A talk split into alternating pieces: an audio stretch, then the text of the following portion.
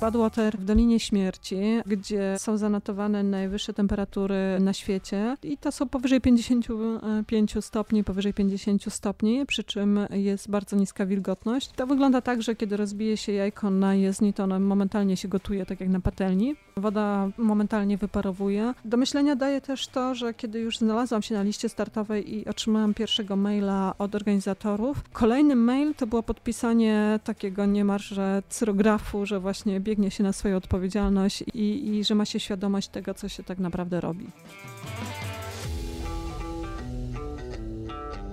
To była Patrycja Bereznowska. Ja się nazywam Kamil Dąbkowski i witam Was po przerwie w trzecim sezonie podcastu Black Hat Ultra. Jest to podcast, w którym spotykam się z ludźmi, którzy kochają bieganie i góry w ekstremalnym wydaniu, którzy postanowili sporą część swojego życia przeznaczyć na ciężkie treningi, aby szukać własnych granic, odnajdując w tym nieodkrytą wcześniej radość z życia i sposób na świetne samopoczucie na co dzień. Patrycja jest ultramaratonką, obecną rekordzistką świata w biegu 24 i 48 godzinnym. Zanim jednak zaczęła biegać sama, biegała z końmi, zakochując się w długich dystansach. Posłuchajmy pięknej opowieści o tym, jak świat koni i biegania przeplata się w jej życiu, o tym jak przez lata budował się mental obecnej mistrzyni i o jej najnowszym wyzwaniu, jakim będzie próba pokonania jednego z najtrudniejszych ultramaratonów na świecie Badwater. Posłuchajcie.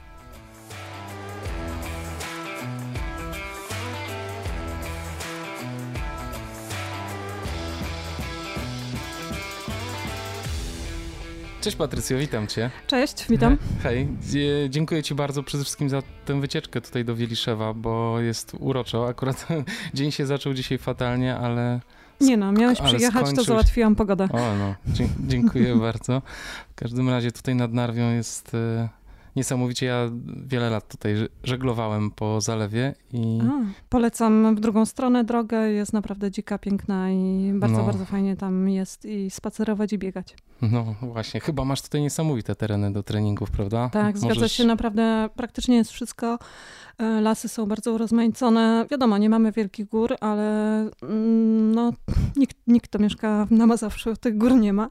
Natomiast, natomiast e, i ścieżki oświetlone, które pozwalają biegać po zmroku, jak przyjeżdżałeś tutaj, to widziałeś, że jechałeś cały czas wzdłuż ścieżki rowerowej i te ścieżki gdzieś tam się rozgałęziają. E, gmina generalnie dba bardzo o to, żeby mieszkańcy mieli gdzie e, spędzać czas na świeżym powietrzu. Mega miejsce dla ciebie w takim razie. Tak, nie no, przeprowadziłam się, się specjalnie pod... Tak, tak, pod... przeprowadziłam się tu świadomie. Oczywiście wiele, wiele rzeczy na to wpłynęło, między innymi to, że należałam do klubu e, Wieliszew Heron Team e, i tutaj przyjeżdżałam też trenować, e, znałam trochę te tereny. Wcześniej tutaj startowałam, pewnie też się orientuję, że jest tu sporo zawodów na tym terenie i tak naprawdę cały okrągły rok można wybierać, przebierać w zawodach, więc dzięki, tym, że są, dzięki temu, że są te zawody, poznałam tereny i wiedziałam, że tu naprawdę jest gdzie biegać. I od kiedy tutaj mieszkasz? Od maja zeszłego roku. Aha. A gdzie się odbył twój pierwszy bieg? Tam, gdzie wcześniej mieszkałam, to jest e, powiat wołomiński e, i to był e, ciekawy bieg, który teraz ma inną formułę i już nie jest w tej formule rozgrywany. To był, ultra, to był półmaraton Cud nad Wisłą się nazywał i on z Ossowa do Radzymina a w kolejnym roku z Radzymina do Ossowa przebiegał, więc ta e, trasa się troszeczkę zmieniała.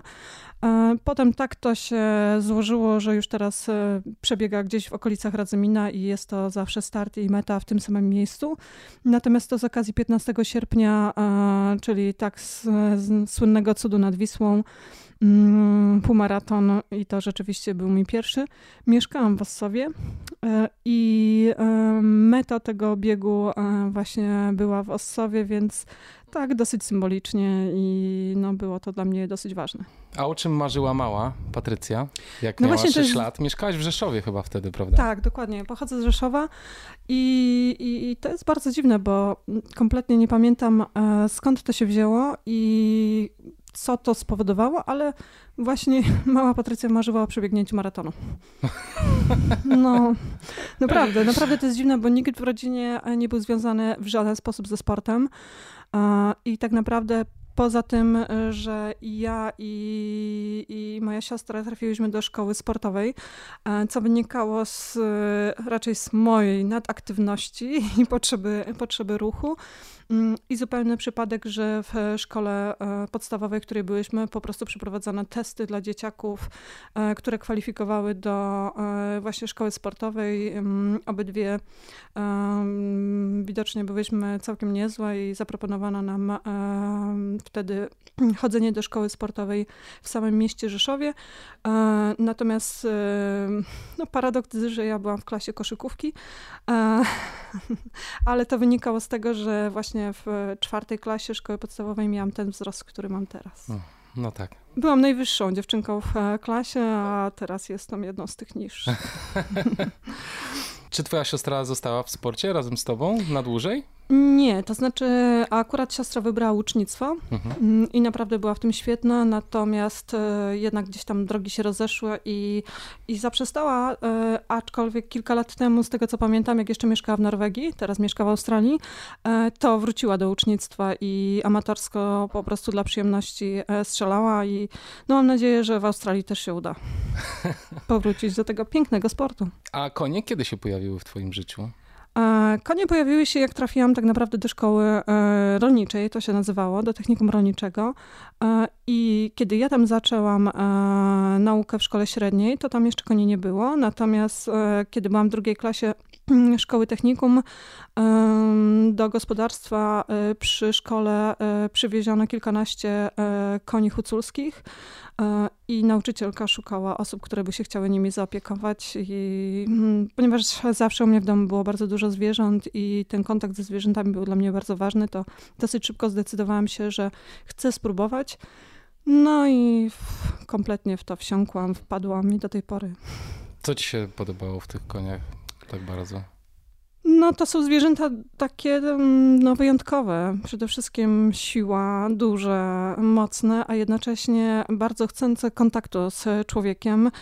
I też miałam takie szczęście, że pierwsza klacz, którą się zajmowałam, harfa, naprawdę bardzo mnie pokochała i dała mi takie poczucie takiej wyjątkowości, e, że właśnie ten kontakt jest taki niesamowity i mm, no, z psem i kotem oczywiście można to osiągnąć, ale jednak jest to dosyć popularne i tak ta wyjątkowość jest mniejsza. Natomiast, natomiast ta klaczka rzeczywiście dała mi e, poczucie, że to jest coś niesamowitego i, i że to chcę robić. E, niestety moja mama była bardzo rozczarowana, bo, bo, bo miała nadzieję, że zostanę w ogrodnictwie, w którym ona się pasjonowała i tym się zajmowała, ale z drugiej strony mm, i, i we mnie, i w siostrze rozbudzała zawsze potrzebę tego, żeby mieć e, swój świat, swoje hobby, żeby do czegoś dążyć, coś robić e, z pasją i, i mówiła tylko, że szkoda, że nie może mi w tym pomóc, e, że nie może mnie czego, nic nauczyć, prawda, ze swojego doświadczenia nie może mi przekazać, natomiast, że mam podążać tą swoją drogą i, i zawsze mnie w tym wspierała. No to chyba to jest ta najważniejsza rzecz, którą ci właśnie przekazała, prawda? Tak, tak, tak. Ja myślę, że i ja i moja siostra obydwie jesteśmy jej za to bardzo wdzięczne, że, że właśnie nauczyła nas, że, że pasja to jest to jest jedna z najważniejszych rzeczy w życiu. Mhm. A wracając do koni, to rzeczywiście to są takie magiczne zwierzęta. One też e, no, jako jedne z nielicznych dają możliwość jednak e, podróżowania razem ze sobą. prawda? prawda? Mimo swojej siły tak. i, i ogromnej takiej a, dzikości, jakby nie było w swojej naturze, bo, bo przecież są to zwierzęta płochliwe, a mimo wszystko pozwalają nam na, naprawdę na wiele. Tak, no i też pozwalają na przemierzenie, przemierzanie niesamowitych dystansów, co też y, mm, robiłaś również na zawodach, prawda? Z... Y, tak, zgadza się. I to myślę, że konie tak naprawdę dały mi e, właśnie tą przyjemność e, przemierzania tak wielu kilometrów i, i to poczucie, że że 100 km, 120, 160 km to wcale nie jest tak wiele i że to wszystko jest e, w, możliwe. I, I też pamiętam, że po takich zawodach e, Mistrzostwach Polski w Łodzi e, na dystansie 160 km w rajdach długodystansowych, e, pamiętam, że kilka osób zauważyło, że, że ja się naprawdę świetnie czuję i że inni zawodnicy to są padnięci i już nie mają siły chodzić, a ja normalnie funkcjonuję. I, i, I pewnie też to był jeden z czynników, których potem, kiedy zaczęłam biegać, dał mi taką pewność siebie, że, że być może ultramaratony to jest to, co e, będę robić, e, to, co jak gdyby leży w mojej naturze i to, co może uda mi się robić dobrze. Mhm. A powiedz, jak wyglądały takie zawody mm, na koniu, długodystansowe? No, to jest e, bardzo, bardzo skomplikowane i w porównaniu do biegów e, ultra, czy w ogóle do biegów, e, to cała otoczka jest naprawdę, zajmuje dużo czasu, zajmuje dużo kosztów. Generalnie to wygląda tak, że musimy z tym koniem gdzieś tam pojechać na zawody. Mm, transport, więc specjalna przyczepka, specjalne uprawnienia, i, i dbałość e, o tego konia podczas e, transportu. E, na takie zawody trzeba przyjechać troszkę wcześniej, dzień, dwa dni wcześniej, bo koń gorzej znosi podróż, no, podróżuje na stojąco i on musi mieć czas na regenerację po takim transporcie. Na dodatek jeszcze dla niektórych koni to jest dosyć stresujące, jednak one nie rozumieją, że jadą sobie pobiegać i bardzo często się stresują transportem, więc na zawody jedziemy kilka dni wcześniej. Mm, potem jest, e, podobnie jak na zawodach e, biegowych, odprawa, mm, na której dowiadujemy się, jak będzie przebiegała trasa, i w zależności od dystansu to jest najczęściej podzielone na pętle. E, dystanse są od 40 km, 30 km dla młodych, początkujących koni do 160 km dla doświadczonych. I to najczęściej wygląda tak, że taka pętla ma właśnie około 30-40 km, którą jedzie się wielokrotnie. Czasami to jest ta sama pętla, czasami to są różne pętle oznaczone na przykład różnymi kolorami. Mm, no i zawodnicy muszą wiedzieć, jaką kolejność, e, jak będą jechać, o której godzinie będą startować. I e, różnica jest taka, że pomiędzy e, tymi pętlami, pomiędzy tymi odcinkami są przerwy odpoczynku dla konia, ale też obowiązkowego badania. Mm, lekarz, a raczej komisja cała lekarska weterynarii musi stwierdzić, że taki koń nie jest zanadto zmęczony i że jest w pełni zdrowy i może kontynuować rajd. Mhm. Co I... sprawdzali u takiego konia wtedy? Jak, jak to określali? Przede wszystkim, czy... E, przede wszystkim najpierw ocenia się ruch, bo to jest najważniejsze, czy, czy ten koń nie kuleje, czy nic go nie boli, czy, czy mięśnie jak gdyby nie są za bardzo zakwaszone i czy on może się poruszać, ale e, też bardzo ważne jest ten tętno. I tu są e, przepisy, określają, jakiej wysokości to tętno może być, i tu chodzi o to, żeby to tętno nie było wyższe niż. Wiadomo, to tak samo jak u człowieka, że czym lepiej jesteśmy przygotowani do wysiłku, tym to tętno szybciej spada e, i to tętno utrzymuje się niskie, prawda? E, u konia jest jeszcze ten problem, że koń czasami wystraszy się czegoś, podniecie się i on nie rozumie, że jest badany i, i czasami po prostu to tętno może wzrosnąć nagle. Natomiast e, na szczęście jest możliwość e, dwukrotnego zbadania tętna. Jeżeli coś jest nie tak, a lekarz widzi, że ten koń tak naprawdę nie jest zmęczony, to jeszcze powtarza badanie i, i jest szansa na to, żeby, żeby ten koń nie został wyeliminowany. Bo jeżeli jest tętno zbyt duże, to jest wyeliminowany. A poza tym jeszcze jest badane e, tętno, badane jest jeszcze odwodnienie, perystaltyka jelit, i taki ogólny wygląd lekarz sprawdza, czy koń gdzieś nie jest poobcierany. To ile trwa takie badanie? Nie, takie badanie trwa dosłownie 3-4 minuty, mhm. a przerwy y, łącznie z tym badaniem to są od 20 minut do 40 minut. Więc tak naprawdę, ponieważ w tym czasie trzeba też konia rozsiodłać, osiodłać, y, umyć, y, przygotować do tego badania, to tak naprawdę wszystko jest w biegu, krótko trwa. Niemniej jednak te przerwy są. Podczas ultramaratonu my możemy sobie na punkcie odżywczym zrobić przerwę, ale nikt nam tego czasu nie odlicza i, i to my decydujemy, i kiedy biegniemy dalej. Kiedy tak. biegniemy tak? i przede wszystkim tak naprawdę to możemy na jednej nodze ukończyć e, bieg, prawda? E, czy, czy czołgając się i nadal jak gdyby go ukończymy. Natomiast ciekawostką jest to, że jeżeli chodzi o rajdy długodystansowe, a teraz to się nazywa rajdy sportowe, to koń e, musi go ukończyć w idealnym stanie zdrowia. Czyli on również badany jest po przejściu przez metę. I jeżeli lekarz stwierdzi, że cokolwiek jest nie tak, jest eliminowany, nawet jeżeli przebieg to 160 km. I dla zawodników, dla całej ekipy, dla serwisantów, którzy e, też podążają za zawodnikiem i koniem, polewają go, schładzają, e, zapewniają koniowi coś do picia czy zawodnikowi, no to jest duży stres, bo tak naprawdę kończymy start, przebiegamy 160 kilometrów, dajmy na to są to Mistrzostwa Polski, jesteśmy pierwsi. Tak, cieszymy się. I jeszcze, nie, i tam właśnie zawodnicy się nie, się cieszą. nie cieszą. Tam tak naprawdę cieszą się dopiero, kiedy e, pozytywnie przejdą badanie weterynaryjne. Ale czy koń na przykład pulsometr ma cały czas na sobie, czy on jest badany tylko To zależy od zawodnika. E, bo zawodnicy mogą sobie po prostu zamontować pulsometr i koń może mieć e, elektrodę właśnie przypiętą do klatki piersiowej i zawodnik może kontrolować w trakcie, prawda? Tak jak mhm. my kontrolujemy podczas treningu, ale w momencie, kiedy wchodzi się na tak zwaną bramkę weterynaryjną, czyli to miejsce wyznaczone badania, koń nie może mieć żadnego pulsometru, mhm. a lekarze weterynarii e, stosują zwykłe słuchawki lekarskie, stetoskopy. Mhm. Czyli elektronika tutaj nie, aczkolwiek wiem, że pamiętam, że były próby wprowadzania e, elektronicznych, e, ale chyba do tej pory cały czas to jest zwykły stetoskop. Mhm. Dużo osób startuje na tego typu zawodach? Nie, to jest tak podobnie jak ultra, mhm. biegi, dosyć niszowy sport, mhm. um, aczkolwiek no bardzo ciekawy. A konie jak to znoszą? W sensie podejrzewam, że są gatunki koni, które znoszą to lepiej. Tak, prawda? zgadza się. I to są e, konie czystej krwi arabskiej. Aha. Mm, wszystkie pustynne rasy, prawda? Czyli, hmm, jakby to powiedzieć, trochę takie wyfitowane jak Kenijczycy, prawda? Nie te ciężkie, duże, mocne, tak. silne, tak. wielkie konie, czyli raczej drobne, e, suchej tkanki, e, szybkie konie, one rzeczywiście lepiej znoszą mhm. i upały, i długie dystanse, ale tak naprawdę najlepsze to są wszelkie właśnie konie czystej krwi arabskiej lub e, rasy, które mają domieszkę tej rasy. Mhm. E, czyli jakieś krzyżówki pomiędzy właśnie e, Arabami tak zwanymi, potocznie nazywanymi i one rzeczywiście się sprawdzają w tej dyscyplinie. A czy przy koniach zaczęłaś też biegać trochę? Dokładnie tak to się zaczęło, tak? dlatego że przepisy w sportowych rajdach dopuszczają w trakcie zawodu, Aha. na przykład gdzieś tam w środku lasu, że zawodnik może zsiąść z konia i biec obok żeby koń odpoczął.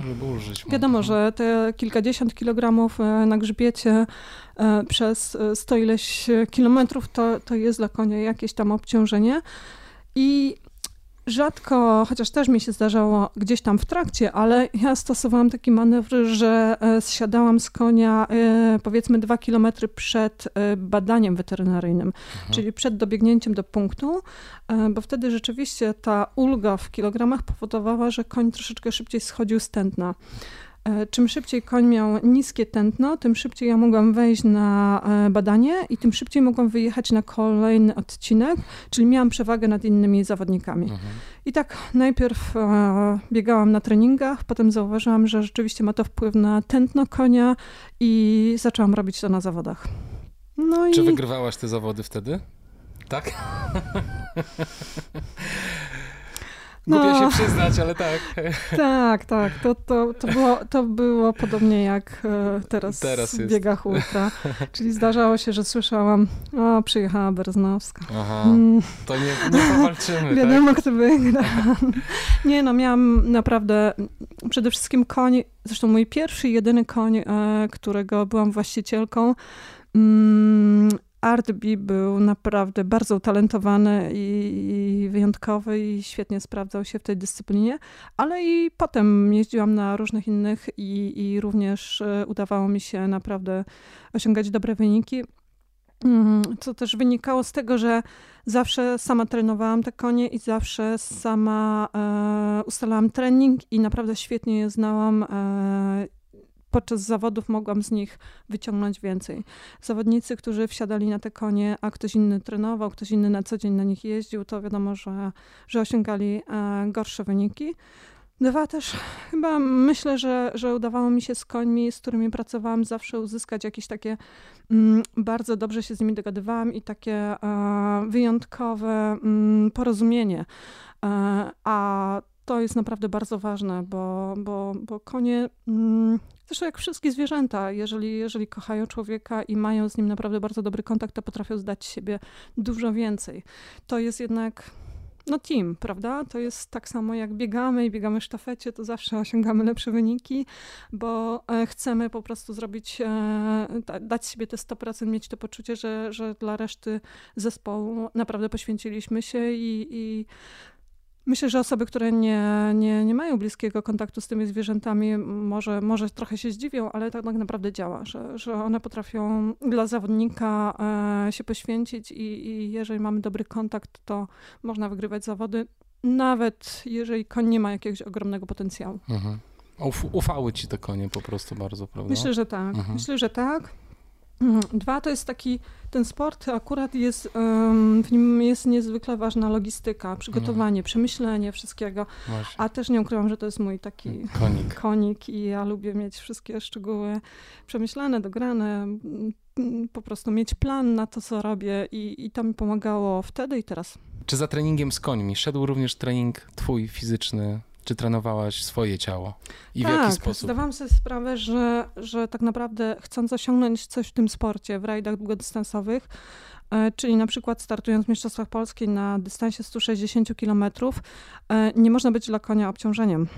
W sensie trzeba być świetnym jeźdźcem, trzeba mieć świetną równowagę, trzeba mieć świetny dosiad, e, bo jeździec, który bardzo dobrze jeździ, ma dobry dosiad i jest e, mniejszym balastem, bo nie zawsze tutaj chodzi o kilogramy, ale to jak sprawnie i razem się poruszamy. Tak. Podobnie jak w bieganiu jest taki termin jak zachowanie energii, prawda? Że e, jeżeli Dokładnie. ktoś jest nawet ciężki i nie biega zbyt szybko, ale na przykład potrafi dzięki temu biegać daleko, tak. tak? Bo tak. właśnie bardzo to jest takie dobrze jak, jak trochę jak energię. toczenie się, tak, prawda? Tak, Jeżeli nasze środki tak. ciężkości, mój z koniem, się zgrywają i czym bardziej się zgrywają, tym mniej tracimy energię na pokonywanie każdego kilometra. I, i, i zawsze o tym, jak gdyby byłam tego świadoma, zawsze nad tym pracowałam i to właśnie to, co powiedziałam, że nie zawsze wybitnym koniom e, pozwalałam wygrywać dzięki temu. Mhm. To fajne. No dobrze, i biegałeś z tymi końmi i kiedy pomyślałaś o tym, żeby biegać bez konia? No więc tak, po pierwsze to e, czym więcej biegałam z końmi, tym mi się lepiej biegało. Mhm. I, i, I zaczęłaś naprawdę, zauważać, że to jest fajne, tak, fajna zaczęłam. E, czuć, że, że to jest fajne, że przyjemnie jest czuć, że się ma kondycję, że ma się siłę, że, że w głowie jest ta możliwość pokonywania kolejnych kilometrów, e, pobiegnięcia do lasu i, i świadomość, że nie wiem, będę w tym lesie biegać tyle, ile po prostu przyjdzie mi ochota, prawda? A nie, że dwa kilometry i nie wiem, muszę zawracać, bo potem jak ja wrócę do domu, to było na pewno fajne. Myślę, że miejsce, w którym mieszkam, Ossów, e, też miał na to wpływ, dlatego że właśnie dwukrotnie przez dwa lata, jak jechałam na zajęcia niedzielne e, do stajni prowadzić treningi, e, tak się składało, że akurat przebiegał półmaraton. I e, tak jak ci narzekający kierowcy w Warszawie, siedziałam w samochodzie i musiałam przeczekać, aż przebiegną biegacze. Tylko ja zamiast właśnie przeklinając, że blokują ulicę, to patrzyłam z otwartą buzią i mówiłam, wow, ale dlaczego fajnie, mnie dlaczego mnie tam nie ma, dokładnie. E, dlaczego mnie tam nie było? To wynikało z tego, że miałam e, w szkole sportowej jeszcze dosyć poważną kontuzję stawu skokowego, a potem jeżdżąc konno jeszcze poważną kontuzję e, kolana. I byłam przez lata przekonana, że po prostu dłuższy trening, mocniejsze bieganie nie jest dla mnie. Ale właśnie tak kolejnego roku, drugiego roku, kiedy tak patrzyłam na nich, to sobie pomyślałam, hmm, no to spróbuję może się przygotować w przyszłym roku trudno, jeżeli mój staw skokowy nie wytrzyma, jeżeli moje kolano nie wytrzyma, to po prostu przestanę biegać i, i, i dopóki nie spróbuję, to się nie przekonam. I tak e, w marcu pamiętam, że wyszłam na pierwsze e, biegania, zresztą z moim psem, z którym potem przez lata biegałam. E, I dałam sobie czas od marca do połowy sierpnia, bo 15 sierpnia był ten start na przygotowania. No i myślę, że przebiegło to, to całkiem sprawnie, bo, bo z dużą przyjemnością mm, wystartowałam i zresztą z dużą ostrożnością. E, czas, który uzyskałam, absolutnie nie powala. E, ale Jaki to był czas? wynikało to z tego, że koło 18 kilometra kapnęłam się, że hmm, chyba teraz to czas przyspieszę, to już było trochę za późno. E, dwie godziny 11 minut, albo dwie godziny 9, albo 11. Mhm. Nie chcę, mhm. nie, chcę, nie chcę oszukiwać, musiałabym sprawdzić. W każdym razie powyżej dwóch godzin. E, co generalnie przy mojej sprawności no, no nie było powalającym czasem, ale naprawdę około 18 km kapnęłam się, że, że, że chyba prędkość, którą dobrałam, była zdecydowanie za mała. I, i dopiero wtedy przyspieszyłam i, no i każdy kolejny start to był tak naprawdę już coraz szybszy i powoli się rozpędzałam. Już wiedziałam... A teraz jaką masz życiówkę w półmaratonie?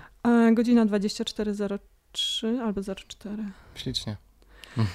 No, szczególnie, że dwa lata temu zrobiona, czyli w wieku 42 mhm. lat, mhm. E, to, to, to nie, jest, nie jest zła życiówka. No właśnie, a jeszcze porozmawiajmy o tym, kiedy był, odbył się ten pierwszy półmaraton? 2000... Miałam 33 lata. Czyli 2008? Mhm, okay. tak. Czyli tak No, 10 lat zbierasz te doświadczenia. Tak, już to jest, 11. To jest 11 sezon, tak. 11 mój sezon i, i, dokładnie dosyć późny początek jak na bieganie, ale, ale to też no, całe życie byłam aktywna i, i, gdzieś tam to bieganie się pojawiało, natomiast nigdy wcześniej nie startowałam, także pierwszy start to rzeczywiście był w 2008. Skoro to już jest 11 twój sezon, czy pamiętasz może jak to było, jak, jak zaczynałaś i generalnie jak na przestrzeni tych lat zmieniał się, zmieniało się twoje podejście do biegania, albo twój trening na przykład, albo, albo dieta, jak, jak to ewoluowało, czy... E... Wszystko się zmieniło. No właśnie, wiem. Znaczy, ale to wynika jak gdyby ze stopnia zaawansowania, e, z tego, jakie miałam cele, jakie miałam plany poszczególne, na poszczególne lata sezonu, co chciałam osiągnąć. Mm, tak naprawdę przez pierwsze dwa lata to mogę powiedzieć, że ja naprawdę bardzo spokojnie truchtałam. Co drugi dzień e, bardzo regularnie, ale wychodziłam, e, to było równe tempo i pamiętam, że tempo e, 6 minut na kilometr e, to był taki moment, że ja myślałam sobie, że to matko, chyba nigdy nie będę biegać szybciej. że może ja się nie nadaję, że, że naprawdę jakoś e, na samym początku ciężko mi było e, biegać szybciej. E, natomiast to wynikało z takiego monotonnego treningu, e, że, że raczej skupiałam się na tym, żeby właśnie regularnie wychodzić i, i spokojnie przemierzać kilometry. Natomiast kiedy wprowadziłam do treningu e, większe urozmaicenie, no to ta prędkość nagle, nagle przestała być problemem i, i gdzieś tam pojawiło się szybsze bieganie. Natomiast y, ponieważ właśnie te lata trenowania koni e, i, i ciekawostką jest to, że jeżeli chodzi o trening wytrzymałościowy koni, to tak naprawdę nie ma dobrej literatury i nie ma polskiej literatury, więc e, dużo książek przeczytałam o e, biegach maratońskich i dłuższych, bo jednak ta fizjologia, Oczywiście jest w pewnym sensie inna, ale, ale właśnie ponieważ nie było się na czym wzorować, jeżeli chodzi o konie, no to szukałam przynajmniej tutaj jakiejś inspiracji czy jakiejś wiadomości. I tak naprawdę zanim zaczęłam biegać, to miałam całą półkę już o książek o bieganiu, e, o biegach e, maratońskich. I te książek tak naprawdę publikacji naukowych gdzieś tam za WF-u, więc mm, całkiem dobrych, dobrego materiału. I ja się śmieję, że zanim zaczęłam biegać, to już naprawdę bardzo dużo wiedziałam o bieganiu, e, ale właśnie to to też dało mi świadomość, że zdam sobie sprawę, że Mięśnie jest dosyć łatwo wytrenować, e, natomiast jeżeli chodzi o więzadła, przyczepy, kości e, czy same stawy, to to wymaga kilku lat e, tak naprawdę systematycznej, intensywnej pracy. I, i dlatego od początku miałam gdzieś tam w głowie, żeby przebiec maraton, e, ultramaraton i więcej, ale tak sobie powiedziałam, że 5 lat biegania to będzie ten czas, który jak gdyby pozwoli na pewną transformację mojego ciała do tego, żeby przygotować go do ekstremalnie długich e, wysiłków. No i rzeczywiście tak się złożyło, że, że miałam te swoje e, pięć lat na przygotowanie e, się do tych najdłuższych e, startów. To niesamowite, jak to się powstrzymałaś przed startami? w sensie, wiesz, początkującego biegacza raczej charakteryzuje taka niecierpliwość, prawda? Że biega dwa miesiące i już by chciał robić maraton. Ma maraton no. Tak. No właśnie ta świadomość i to, że przez lata mogłam obserwować też konie i, i ile one wymagają tak naprawdę czasu, żeby przygotować się do tych najdłuższych dystansów, E, czytanie, czytanie, czytanie, jeszcze raz czytanie. E, trochę może brak czasu, mm, dlatego że naprawdę wtedy dużo, dużo startowałam e, właśnie w rajdach długodystansowych i, i bardziej się skupiałam na tym niż na bieganiu i na startach w biegach, ale suma summarum myślę, że to naprawdę świetnie wyszło, że, że, że dałam sobie ten czas. Mm, I, I, że myślę, że, że tak naprawdę każdy potrzebuje minimum, moim zdaniem, dwóch lat na to, żeby po prostu od y, zaczęcia, od tego pierwszego, pierwszego biegu wystartować w jakimś naprawdę y, dłuższym maratonie i, i dłuższym biegu. No tak, życzę takiej cierpliwości wszystkim początkującym, sobie, sobie również zresztą. E, powiedz Patrycja, bo y, masz już niesamowite osiągnięcia na koncie. Dziękuję. Y, nie ma co wijać w bawełnę, siedzi przede mną mistrzyni świata w biegu 12 i 24 godzinnym. Które z tych osiągnięć najbardziej sobie cenisz? Najbardziej sobie cenię to, że cały czas kocham i uwielbiam biegać i czerpię z tego radość. To jest moje największe osiągnięcie. No, prawda. Tak długo jak czerpiesz radość z treningów, tak tak długo możesz zdobywać nowe trofea, prawda? Tak, tak. No. Tak długo po prostu można intensywnie trenować i, i, dawać siebie wszystko na treningach, a to się przekłada na, na starty, na wyniki, na wyniki osiągnięcia. Nie no, no pewnie fizjologii się nie da oszukać i, i pewnie mając 50 i więcej, 60, nie będę biegać godzinę 24 pół maratonu, nie oszukujmy się ale, ale trudno powiedzieć, bo każdy start jest inny i, i każdy, każdy medal, każdy jakiś tam trofeum czy rekord e, to jest, to jest inny e, inne emocje, e, inne wyrzeczenia, prawda? I um, naprawdę nie jestem w stanie wybrać tego jednego najważniejszego. Oczywiście, że, że, że, że wybijają się tutaj rekordy świata, prawda? Które Rekord świata to jest no, coś takiego, e, świadomość, że, że nikt wcześniej, nikt więcej, nikt szybciej, czy tam mocniej czegoś nie zrobił, to, to jest coś. E, natomiast też bardzo ważne dla mnie są wszelkie mistrzostwa, bo myślę, że u nas w Polsce bardzo małą wagę przykłada się generalnie do Mistrzostw Polski. E, natomiast jeżeli ktoś w sercu ma tak naprawdę e, tego orzełka, ten biało-czerwony i, i tego mazurka, to, to, to powinien jednak startować w Mistrzostwach Polski i to powinny być zawody kwalifikacyjne do, do wyższej rangi zawodów i, i, i niestety być może brak e, spektakularnych nagród, trochę takie spychanie, że, że to nie są tak e, ważne zawody powoduje, że nie wszyscy dobrzy zawodnicy startują. E, myślę, że tak powinno być. Także Mistrzostwa Polski czy Mistrzostwa Europy, świata to jest jednak, jednak coś. Mm, trzeba się zakwalifikować. E, tam nie startują przypadkowe osoby, tylko ktoś, kto gdzieś tam chociażby złożył jakieś przyrzeczenie w związku, należy do jakiegoś związku e, i no myślę, że, że, że w każdym jednym kraju, który bierze udział w tym, e, bardzo ważne jest e, właśnie to reprezentowanie swojego kraju, prawda? Mm, chociażby ten pochód przed, kiedy, kiedy idziemy z flagami, kiedy każdy ma barwy narodowe, to jest naprawdę bardzo, bardzo ważne. Tak, no niestety u nas biegi ultra i biegi górskie są traktowane bardzo po macoszemu. E, cóż, ale nie mówmy o polityce. No tak, nie są to e, dyscypliny olimpijskie. Tak. Nie oszukujmy się, nie doczekamy się czasu, kiedy, kiedy staną się, bo, bo nie są to spektakularne, prawda, e, łatwe do oglądania i do kibicowania e, dyscypliny, więc, więc pewnie nigdy się tego nie doczekamy. No, no, no trudno. Hmm. Opowiedz Patrycja, jak y, zmienia się taktyka twoja? W stosunku do tego, czy biegniesz na przykład 20 godzin po pętli, czy biegniesz na przykład Spartlaton? Jak podchodzisz taktycznie do tych biegów? Bo mówiłaś też e, o tym, że właśnie ta taktyka jest twoim konikiem mhm. i e, ciekaw jestem, jak tutaj przygotowujesz się i myślisz o, o bieganiu tak różnych dystansów? No właśnie, to dobrze użyć słowa różnych, e, właśnie, bo różnych, różnych znaczy, zawodów. Właśnie, różnych zawodów, nie różnych dystansów. Dystanse no są podobne, ale... Słowo klucz to jest różne. Tak. bo to wszystko zależy, naprawdę. E, każdy dystans, no to są takie zawody, że, że tutaj nie startuje się, prawda, z dnia na dzień, tylko gdzieś wcześniej, dosyć długi okres się do tego przygotowujemy i, i wcześniej staram się mm, przeanalizować i nie wiem, tempo, historię, trasę i, i to bardzo, bardzo różnie, bo, bo taktyka będzie też zależała od tego, kto danego dnia e, znajdzie się na trasie, kto jest e, moją rywalką.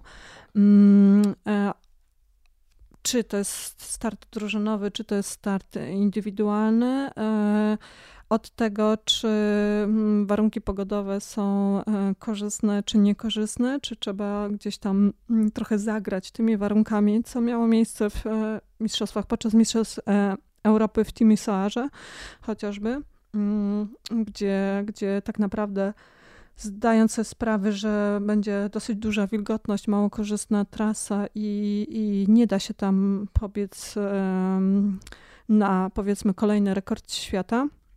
Mm, postawiłam na to, żeby, żeby powiedz to e, na miejsce i mm, moje rywalki e, ruszyły bardzo, bardzo ostro, za co zapłaciły w drugiej części. E, natomiast no jak gdyby wcześniej przeanalizowałam, że wilgotności w tym kraju, temperatury są e, tak duże, że, że, że po prostu e, będzie ten wynik troszeczkę e, inny i, i po prostu dostosowałam się do tego, co... A rywalki poleciały na rekord, tak?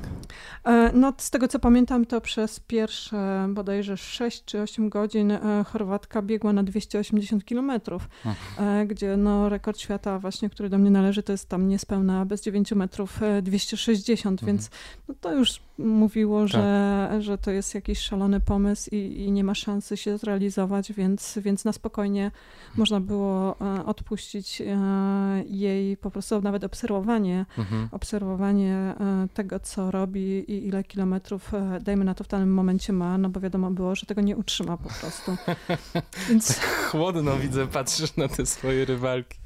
Ale to jest w ogóle, wiesz, fajnie, że mówisz o tym, że stając na starcie patrzysz na to, z kim będziesz walczyć, bo wiele osób, z którymi rozmawiam, mówią, że to nie jest dla nich ważne, że myślą o sobie, o swoich e, osiągnięciach i o, o tym tylko, żeby dobiec na metę przede wszystkim i dobiec w dobrym no, czasie. A widzę, dobrze, że ciebie bardzo motywuje to, że biegniesz jednak... Uwielbiam z... rywalizację, e, także, także ja czasami o sobie mówię, że jestem jak hard. Nawet jeżeli mówię, że nie będę się ścigać, to jak zaczynam biec, to po prostu instynkt włącza ci się. E, tak, ale, ale z drugiej strony, no właśnie, chyba bardziej rozsądek e, jednak nad tym przeważa niż ten instynkt. Wiesz co, to wszystko zależy, bo są biegi ultra po prostu, które teraz traktuję e, na tej zasadzie, że też skupiam się tylko i wyłącznie na sobie. Mhm. I nawet nie patrzę na listy startowe, mhm. bo po prostu w tym momencie to nie jest ważne. Natomiast jeżeli to są Mistrzostwa Europy, Świata, Mistrzostwa Polski, gdzie tak naprawdę liczy się konkretne miejsca, no to, to, to mhm. nie, absolutnie. Nie to wszystko jest to wszystko jest przeanalizowane, przekalkulowane, przemyślane. E, I, i tutaj jak gdyby ja też e, przygotowuję się, to najczęściej są e, imprezy priorytetu A czy tam B, prawda? Więc też jak gdyby w danym momencie zdaję sobie sprawę, w jakiej jestem kondycji. Mhm. Zresztą po to tak często startuję w innych zawodach, żeby też to wiedzieć, na co mnie stać, więc ja jestem dosyć precyzyjnie w stanie określić tempo, w którym będę biegła. Natomiast e, w startach, które to poprzedzają, tak zwanych startach treningowych, mm, czasami biegnę na zaciągniętym hamulcu, a czasami biegnę tak, że mm, powiedzmy, że zdaję sobie sprawę, że gdzieś tam po 80% trasy może mnie odetnie, e, bo biegnę e, za szybko. właśnie, może nie za szybko, ale właśnie po to biegnę. Tak, żeby sprawdzić. Żeby tak się przepalić, tak. sprawdzić Aha. i doprowadzić organizm do takiego momentu, w którym on będzie musiał się jeszcze spiąć i, i po takich zawodach powiedzmy, jeżeli odpocznie to powie, aha, ty mi dajesz takie obciążenia, to ja jeszcze muszę się bardziej zmobilizować, prawda? Czyli, czyli po prostu no, zwykłe zasady treningu, kiedy, kiedy trzeba po prostu czasami tak sobie dać w kość, e, żeby ten organizm zmobilizować do, do, do szybkiej regeneracji i do wejścia na poziom wyżej. Takie treningi powinnaś wykonywać na zawodach, czy możesz je tak samo równie dobrze wykonać w lesie tutaj w Wieliszewie, pobiec sobie 120 na przykład? Wiesz co, ja to jestem taka dziwna, że, że, że ja jestem w stanie i, i nieraz zdarzało mi się pobiec biec e, naprawdę niezwykle mocno i niezwykle dużo e, trening, na treningu.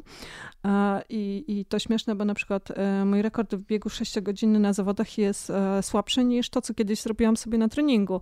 Ale to, co lubię na zawodach, to to, że pewne rzeczy są nieprzewidywalne. Nie zaplanujemy sobie godziny startu, pogody. Musimy się dostosować do tego, co po prostu wymaga od nas organizator. I dokładnie tak samo jest na zawodach, prawda? Więc to jest moim zdaniem najlepszy trening. Bo jednak, e, kiedy nawet planuję trudne, długie wybieganie w domu i nie wiem, wyglądam przez okno i patrzę, o leje, ale widzę w prognozie pogody, że za godzinę przestanie, no to co, 90% osób, e, prawda, odpuści i poczeka tą godzinę. E, czy skróci trening, jak zacznie lać i wróci, wróci do domu. No takiej możliwości nie ma na zawodach, więc jednak zawody dają to taką mm, niesamowitą okazję trenowania w tych warunkach startowych. A powiedz, y, jak biegasz te dłuższe biegi, na pewno korzystasz z jakiegoś supportu, prawda? To zależy od formuły zawodów, bo nie wszędzie ten support jest dopuszczany, natomiast na zawodach na pętli tak. A masz jakiś swój stały support, z którym współpracujesz? Tak, najlepszy na świecie. A, oczywiście. E, no, żeby być najlepszym na świecie, trzeba mieć najlepszy support. Tutaj nie da się po nie prostu. Da się inaczej. No nie da się, to musi, to musi być zgrana drużyna. I w biegach 24-godzinnych, 6-12-godzinnych, właśnie kiedy, ale też etapowych, bo, bo, bo też chociażby na Badwater mhm. Mm, też musisz mieć swój support. I ciekawostką jest to, że jeżeli cokolwiek się stanie z supportem, czy samochód nie będzie mógł dalej podążać, to zawodnik odpada. Nie ma mhm. prawa podążać sam dalej. Mhm. Mm. Poczekać nie możesz?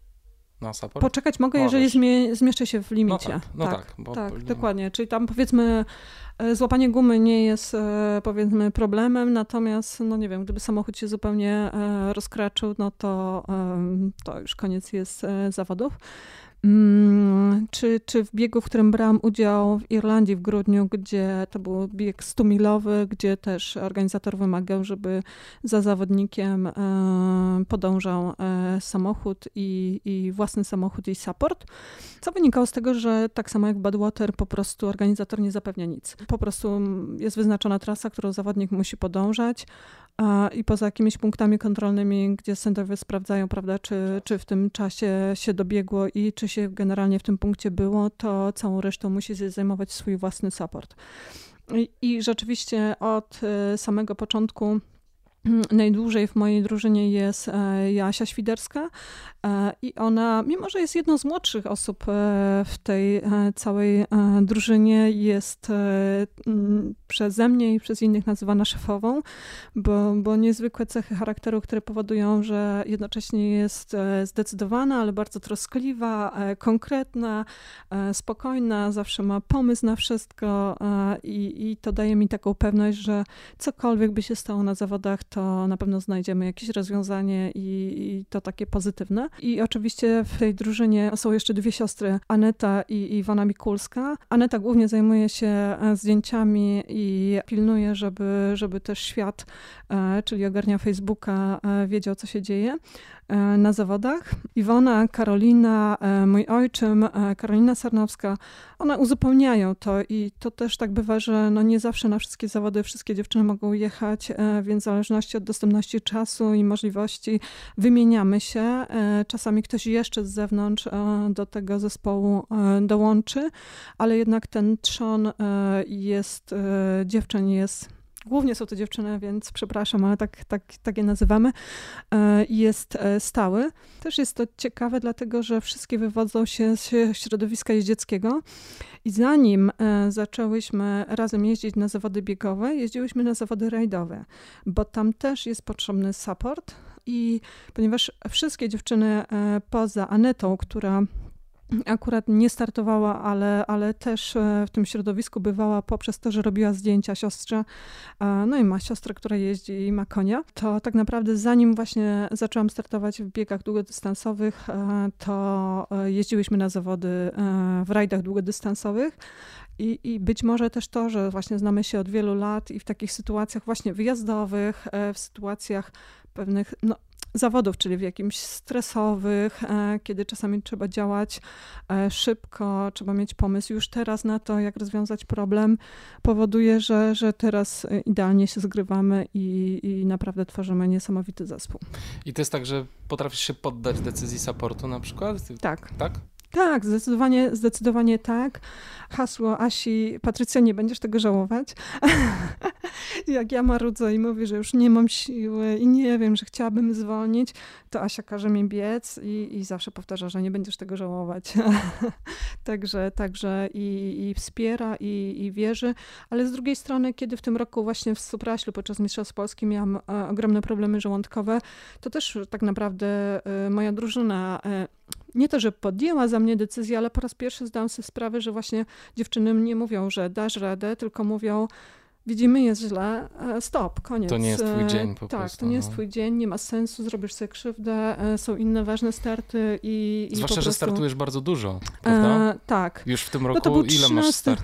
No, 13? Mm. No, pytałam się o te trudne pytania.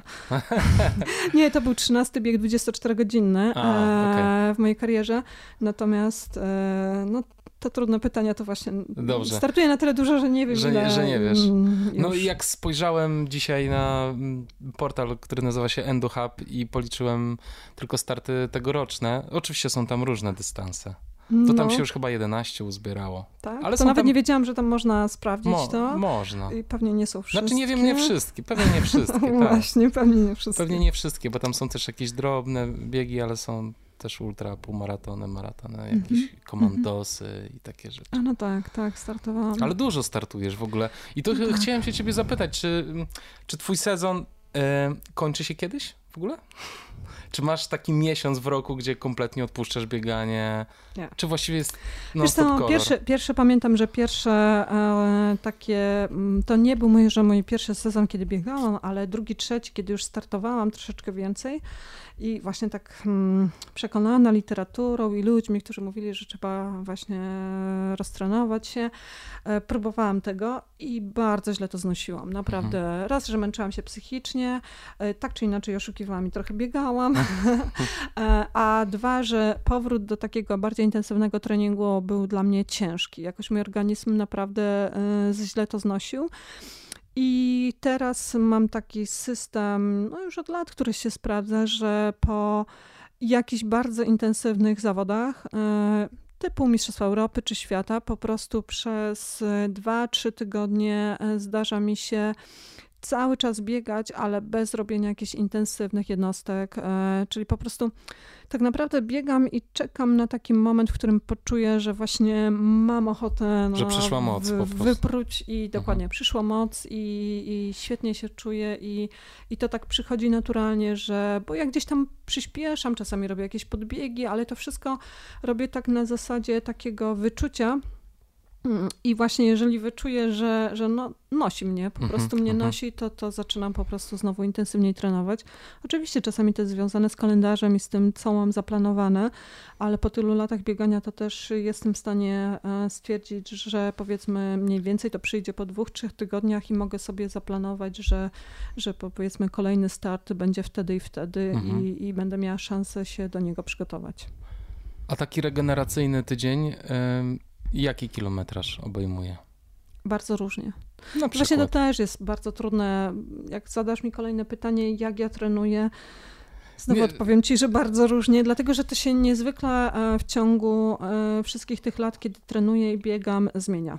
No właśnie, e, to, I to wynika, ciekawe. I to wynika też z tego, że po prostu czuję, że pewne jednostki treningowe nie przynoszą już takich korzyści, jak na przykład przynosiły wcześniej, że mam taki organizm, który dosyć szybko się adaptuje i przyzwyczaja do pewnych akcentów i one po prostu przestają przynosić taki efekt, więc mhm. ja wciąż muszę szukać, podążać, zmieniać zmieniać. Tak, tak, mhm. tak. A ponieważ no też, też lubię e, próbować nowych rzeczy i, i nie boję się tego i, i wciąż się gdzieś tam uczę, e, to jak gdyby to też robię tak jak gdyby trochę naturalnie. E, no i to powoduje, że być może no, udaje mi się utrzymać ten miarę wysoki poziom prze, przez tyle lat, bo, bo ciągle coś zmieniam w treningu. Dobrze, to nazwijmy tylko dla naszych, naszych słuchaczy, żeby mhm. wiedzieli, co to są na przykład za ćwiczenia, które ty zmieniasz? Coś poza bieganiem? Wszystko. No to co to znaczy wszystko? Wiesz co, nie, bo powiem ci tak. Na przykład od no. miesiąca e, trenuję teraz e, na bieżni mechanicznej i tak. e, na siłowni. E, gdzie prowadziłam rzeczy, których powiedzmy, że wcześniej nie robiłam, bo na przykład nie robiłam regularnie e, treningów e, na wiosłach. Mhm. Bo nie mam. Jak widzisz, w pokoju mam mhm. Atlas, Orbitrek i tysiąc różnych drobnych, prawda, tak. sprzętu drobnego, który, który pomaga mi czy się rozciągać, czy ćwiczyć siłę, ale no, poza siłownią pewne rzeczy są nieosiągalne i, i do których właśnie no, nie miałam dostępu, a ponieważ od miesiąca trenuję w niemalże dzień dzień, chyba że wyjeżdżam na zawody e, na siłowni, no to wprowadziłam na przykład e, wiosła, mhm. E, które no, wszyscy wiedzą, że są świetne, tak naprawdę ogólnorozwojowe, prawda, mhm. i angażują no, wszystkie mięśnie. Jaki to przyniesie efekt, zobaczymy. Ja się czuję świetnie, czuję się silniejsza, mocniejsza. Dwa dni temu byłam mm, na analizie składu ciała u Jagody Podkowskiej w Blueberry Clinic i, i to pokazało, że naprawdę no, masę mięśniową mam w tym momencie taką, jaką miałam też w szczytowej swojej formie, mhm. więc, y, więc fajnie, no. myślę, że to przynosi efekt. Czy na przykład kettlebellsami też się bawisz? Albo stoi. stoi. Tam, tam. Fajnie. Tam schowane. Dobrze. TRX tam wisi. Baseny? Mm, biegam w wodzie. Biegasz w wodzie. Pływam, biegam w wodzie, mhm. mm, także, także jak najbardziej, w ogóle uwielbiam wodę, więc, więc jak najbardziej około mniej więcej średnio dwa razy w tygodniu bywam. Oczywiście jakie rozciąganie? Jak Jest. najbardziej. Dobrze. Mhm. Bo to różnie, wiesz, ludzie różnie Wiesz, przez lata uprawiałam tai chi, więc, mhm. Y, więc akurat nie jestem fanką jogi, a, aczkolwiek pewne elementy też stosuję, ale, ale tai chi również zapewnia naprawdę dużą dawkę rozciągania i, i ćwiczeń sprawnościowych, więc, więc jak najbardziej. Okej, okay, czyli tak bardzo, bardzo szeroko patrzysz na swój trening i zmieniasz dużo, tak? Dużo zmieniam, mhm. naprawdę. Mhm. A narty zimą w ogóle? Biegówki, biegówki. albo biegówki? Tutaj... Biegówki i teraz e, no, przyznam się, że odkąd tak naprawdę startuję w tych większych imprezach, e, to ja akurat snowboard i, i uwielbiam i to freestyle. No i porzuciłam to i deska leży, deska leży odłogiem, bo jednak...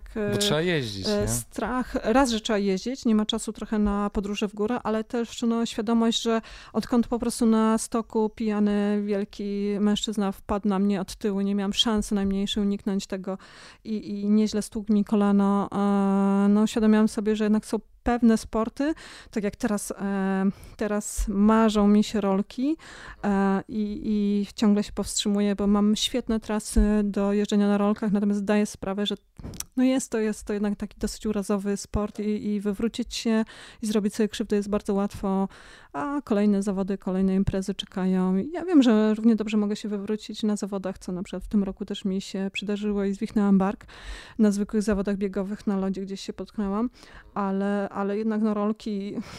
Nie, potem bym była zła na siebie. No właśnie, jest coś takiego, że człowiek zaczyna myśleć o sobie bardziej. No, z biegówki, biegówki są dosyć, dosyć tak. takie, e, powiedzmy, przewidywalne, przynajmniej na tym poziomie, na którym ja to wykonuję, to, mhm. to jak najbardziej, jak tylko mam możliwość, to, to uwielbiam. Chciałem cię bardzo zapytać o start w Spartlatonie, bo mhm. mam kolegę bliskiego, pozdrawiam Kubę Frułowa, który bardzo marzy o pobiegnięciu w Spartlatonie. Więc wykorzystuję ten moment, żeby się ciebie spytać o to, jak tam było i jakie są twoje wrażenia z tego biegu. No i no to jest, to jest taki mm, no, ciekawy, ale też e, trudny temat, dlatego że to jest jeden z niewielu biegów, o którym mogę powiedzieć, że mi się nie podobał.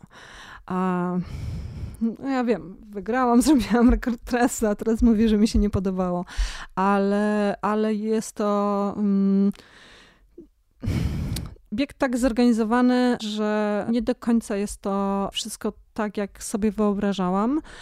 E, o pewnych rzeczach e, byłam świadoma, innych troszkę mniej, e, natomiast przepiękna historia i, i organizatorzy wykorzystują miejsce i całą historię, żeby wokół tego zbudować gigantyczny PR, korzystać z tego, natomiast tak organizacyjnie to jest bieg bardzo średni albo słaby. Niesamowity prestiż ma, prawda? I, i tak naprawdę chyba każdy biegacz ultra o nim słyszał, wielu o nim marzy, duże, duże opłaty, za którymi kryje się tak naprawdę niska jakość, niezbyt ciekawa trasa, która cały czas w ruchu ulicznym, dużym ruchu ulicznym. No, można nadmienić, że w momencie, kiedy ja startowałam, organizatorzy potrącili jednego z biegaczy. O. E, no to jest, to jest na innych zawodach, to jest w ogóle niewyobrażalne, tak, prawda? Tak. E, miał uraz głowy. Jezus, na szczęście na tyle, mm, że po jakimś tam odpoczynku i opatrzeniu go e, wystartował i ukończył na szczęście. E, natomiast no naprawdę no, biegacz musi mieć oczy dookoła głowy, bo ten ruch jest dosyć duży. No, Grecja ma to do siebie, że jest krajem niezbyt czystym i biegniemy tak naprawdę poboczami, gdzie jest mnóstwo śmieci, rozjechanych zwierzaków. E, na trasie nie ma toalet. Trzeba sobie uświadomić, że, że jednocześnie startuje około 400 biegaczy, e, gdzie, a przy Akropolu, gdzie był start, były trzy toalety. E, czy to i to je były postawione. No i Akropol, gdzie tak naprawdę no nie ma szans, to nie jest środek lasu, że można gdzieś tam pójść e, w krzaczki e, i, i każdy biegacz oczywiście chce, już nie mówię jeszcze osoby, które przyjeżdżają tam, prawda, serwisanci i każdy chce przed biegiem skorzystać z toalety, no to po prostu no, dla mnie to jest, to jest no, coś, coś nie, no, niedopuszczalne i na każdym innym biegu to zostałoby na pewno mocno skrytykowane. Tam jakoś o nikt o tym nie mówi. Mm. E, I potem właśnie te 246 km biegniemy e, ulicami i bodajże nie wiem, czy tam w jednym czy w dwóch punktach powiedzmy jest możliwość gdzieś tam pójścia pewnie do toalety, natomiast no tak naprawdę to, to biegacze e, załatwiają się przy trasie. Jakbyśmy policzyli, że biegnie 400-240 km, to możemy sobie policzyć, jak ta trasa jest bardzo mhm. zanieczyszczona i, i, i no, uświadamiając sobie takie rzeczy, to, to naprawdę... Mm, Odechciewa się. Nie polecasz. Nie, no nie to, że nie polecam. Myślę, nie, no że, nie polecasz, tak naprawdę... nie, no, nie podobało ci się. No, mam, ale każdy, ale każdy, Wiesz. nie no, to jest tak, że myślę, że, że, że E, może nie każdy powinien pobiec, w sensie ultramaratończyk oczywiście, ale, ale myślę, że każdy powinien no, jak gdyby przekonać się e, sam, no bo są osoby, które po prostu bóstwiają ten bieg, chociażby Łukasz Sagan, który mówi, że to jest jeden z najpiękniejszych biegów i, e, no, i bierze tam udział niemalże rokrocznie, bodajże już cztery czy pięć razy biegu. Już nie mówię o panu Malinowskim, który, który brał udział tam naście chyba razy i kochają ten bieg. Mhm. No ja tak, akurat no. tej miłości za bardzo nie, nie, rozumiem i uważam, że, że jest dużo wiele ciekawszych. Śmieszne było to, że na dekoracji na rynku, bo są dwie dekoracje. Pierwsza dekoracja jest e, wieczorem e, pobiegu na rynku, druga już następnego dnia e, na oficjalnym party. O, to jest też ciekawostka, za które no, każdy uczestnik musi zapłacić za wejście bodajże 20 euro. Nie jest to suma jakaś gigantyczna, ale na przykład okazało się, że e, mimo, że ludzie zapłacili za wejście, to nie ma dla nich miejsc. Mhm. E, I, I to jest, e, że dosłownie wpadliśmy na tą salę i, i ludzie się rzucali do krzeseł, żeby złapać miejsce no nie tak to powinno wyglądać, e, prawda? Bo my jesteśmy niby, niby e, party, niby elegancko ubrani, ale kolejka do jedzenia, do kolacji to po prostu e, gigantyczna kolejka, w której stoi się 20 minut, żeby coś nałożyć na talerz. Mhm. No, no, nie do końca to tak powinno Już się wyglądać. nie pytam, czy, pod, czy były toalety dostępne, wiesz, na tym party. Akurat były. No, to dobrze. Drinki i toalety były. Gorzej było z jedzeniem i miejscami. Okay. Pamiętam, że Łukasz, e, że e, Sebastian e, Białobrzyski, który był, właśnie chyba nie znalazł miejsca przy stoliku i w końcu z swoim serwisem opuścili imprezę, mm -hmm. bo stwierdzili, że no, no, no nie tak. Mm -hmm. Nie, nie, nie, nie o, zapłacił za to, nie stojąc, to będzie stał, stał i tak. patrzył, jak inni siedzą przy stolikach, no więc nie. Także nie wszystko na tym biegu było zorganizowane, ale podczas tej dekoracji na rynku, o której zaczęłam mówić, najpierw byli dekorowani mężczyźni i widzę, że speakerka każdemu zadaje jakieś e, pytanie e, i siedzimy z dziewczynami, ja mówię, jak znam życie, to zapytają mnie, czy mi się podobało. A ja odpowiem, że nie. No i co oczywiście? Dokładnie takie pytanie padło. Mhm. I w momencie, kiedy ja odpowiedziałam, e, czy mi się podobało i czy zamierzam wrócić na ten bieg. I w momencie, kiedy ja odpowiedziałam, że nie, mina spikerki i w ogóle wszyscy zamarli. w pierwszym momencie oczy takie wielkie, no bo jak? Jak ja śmiałam w ogóle coś takiego odpowiedzieć? Na szczęście szybko wybrnęłam z tego. Znaczy, no, taki był plan, że powiedziałam, że no, nie zamierzam wrócić, dlatego że e, wygrałam, zrobiłam rekord trasy, a jest tak wiele pięknych e, innych ultramaratonów na świecie, które chciałabym po prostu przebiec, że no nie ma czasu po prostu na to, żeby rokrocznie startować w jednym konkretnym. Ale e, tak naprawdę to jedną z motywacji, mm, na trasie, jak biegłam, kiedy no już prowadziłam e, za górą Sangras, to mówiłam do dziewczyn, dziewczyny, ja muszę to wygrać, żeby tutaj nie musieć wrócić. żeby ten bieg w tobie nie tak siedział. Nie podoba. Tak? Ja już to mówiłam biegnąc e, tak. do moich dziewczyn, że mi się tutaj tak nie podoba, że ja tu mhm. nie chcę wracać. Mhm. No i, i taki był cel, bo tak naprawdę zanim wystartowałam, to sobie powiedziałam, że jeżeli wygram, jeżeli e, uda mi się wygrać, chyba o rekordzie trasy nawet wtedy nie myślałam, to mówię, to już to już tutaj nie wrócę. Ale był to jednak jeden z twoich wymarzonych biegów, tak? Dlatego tak, chciałaś tak, to go powiedzieć? Tak samo właśnie na tej zasadzie, że, że no jest to bieg legenda i, i startują w nim też mocni zawodnicy z całego świata i, i po prostu daje też takie poczucie, gdzie się w tym świadku jest, e, na jakim miejscu. E, no po prostu chciałam. Chciałam i, i planowałam. Kilka lat się zastanawiałam, kiedy, jak ułoży się kalendarz, jak pojawiła się taka okazja, to pojechałam. Absolutnie nie żałuję. Natomiast no niezwykle cieszę się, że właśnie udało się wygrać. I nie musisz wracać. I, i zrobić rekord trasy i nie muszę wracać. Czy tak samo marzyłaś o Badwater? Tak. No, to myślę, że jest Kiedy trochę... pierwszy raz usłyszałaś o tym biegu w ogóle? E, chyba pierwszy raz czytałam o nim w książce Jedz, Jedz i biegaj. Scotta Jurka. tak, tak, to ja podobnie. No. E, I tam może nie bardzo dużo, ale jednak o tym biegu jest tak napisane, że daje do myślenia. Kurczę, prawda? właściwie każdy bieg, który on opisuje, to człowiek chce go powiedz od razu właściwie. Tak, coś tu od jest. razu już wychodzi na trening i mówi, ja trenuję pod to. Tak, Tak, ta książka Teraz jest obłędna szlaga. Polachów bieg, biegną w myślach i marzeniach. E, tak, coś w tym jest i, i on e, opisuje, a potem druga książka to jest Jedna mila więcej Patry. Nie wiem, czy kojarzysz, Nie, właśnie, amerykańska książki. biegaczka. Książka przetłumaczona na język polski, która dwukrotnie wygrała w kategorii Open Badwater. Mm, tak. Szacunek. No właśnie. I, i ona, ona też e, dosyć szczegółowo opisuje ten bieg. Daje to do myślenia. Dwa, Stany Zjednoczone. Byłam tam dwukrotnie. Również byłam w Dolinie Śmierci. E, Miałam okazję na, na szczęście w grudniu e, zwiedzać, więc nie wiem jeszcze, jakie piekło mnie czeka. No właśnie, Temperatura była bardzo przyjemna wtedy. opo- opowiedzmy słuchaczom, może, może nie wszyscy wiedzą, Co to co za to za bieg? bieg, jaką ma długość i gdzie się odbywa. No przede wszystkim w Stanach Zjednoczonych, e, w Dolinie Śmierci, e, gdzie są zanotowane najwyższe temperatury e, na świecie. W lipcu dodajmy. W lipcu, tak. Właśnie wtedy, kiedy odbywa się bieg. Tak. I, I to są powyżej 55 stopni, powyżej 50 stopni, przy czym jest bardzo niska wilgotność. To wygląda tak, że kiedy rozbije się jajko, surowe jajko na jezdni, to ono momentalnie się gotuje, tak jak na patelni. Woda, woda momentalnie wyparowuje.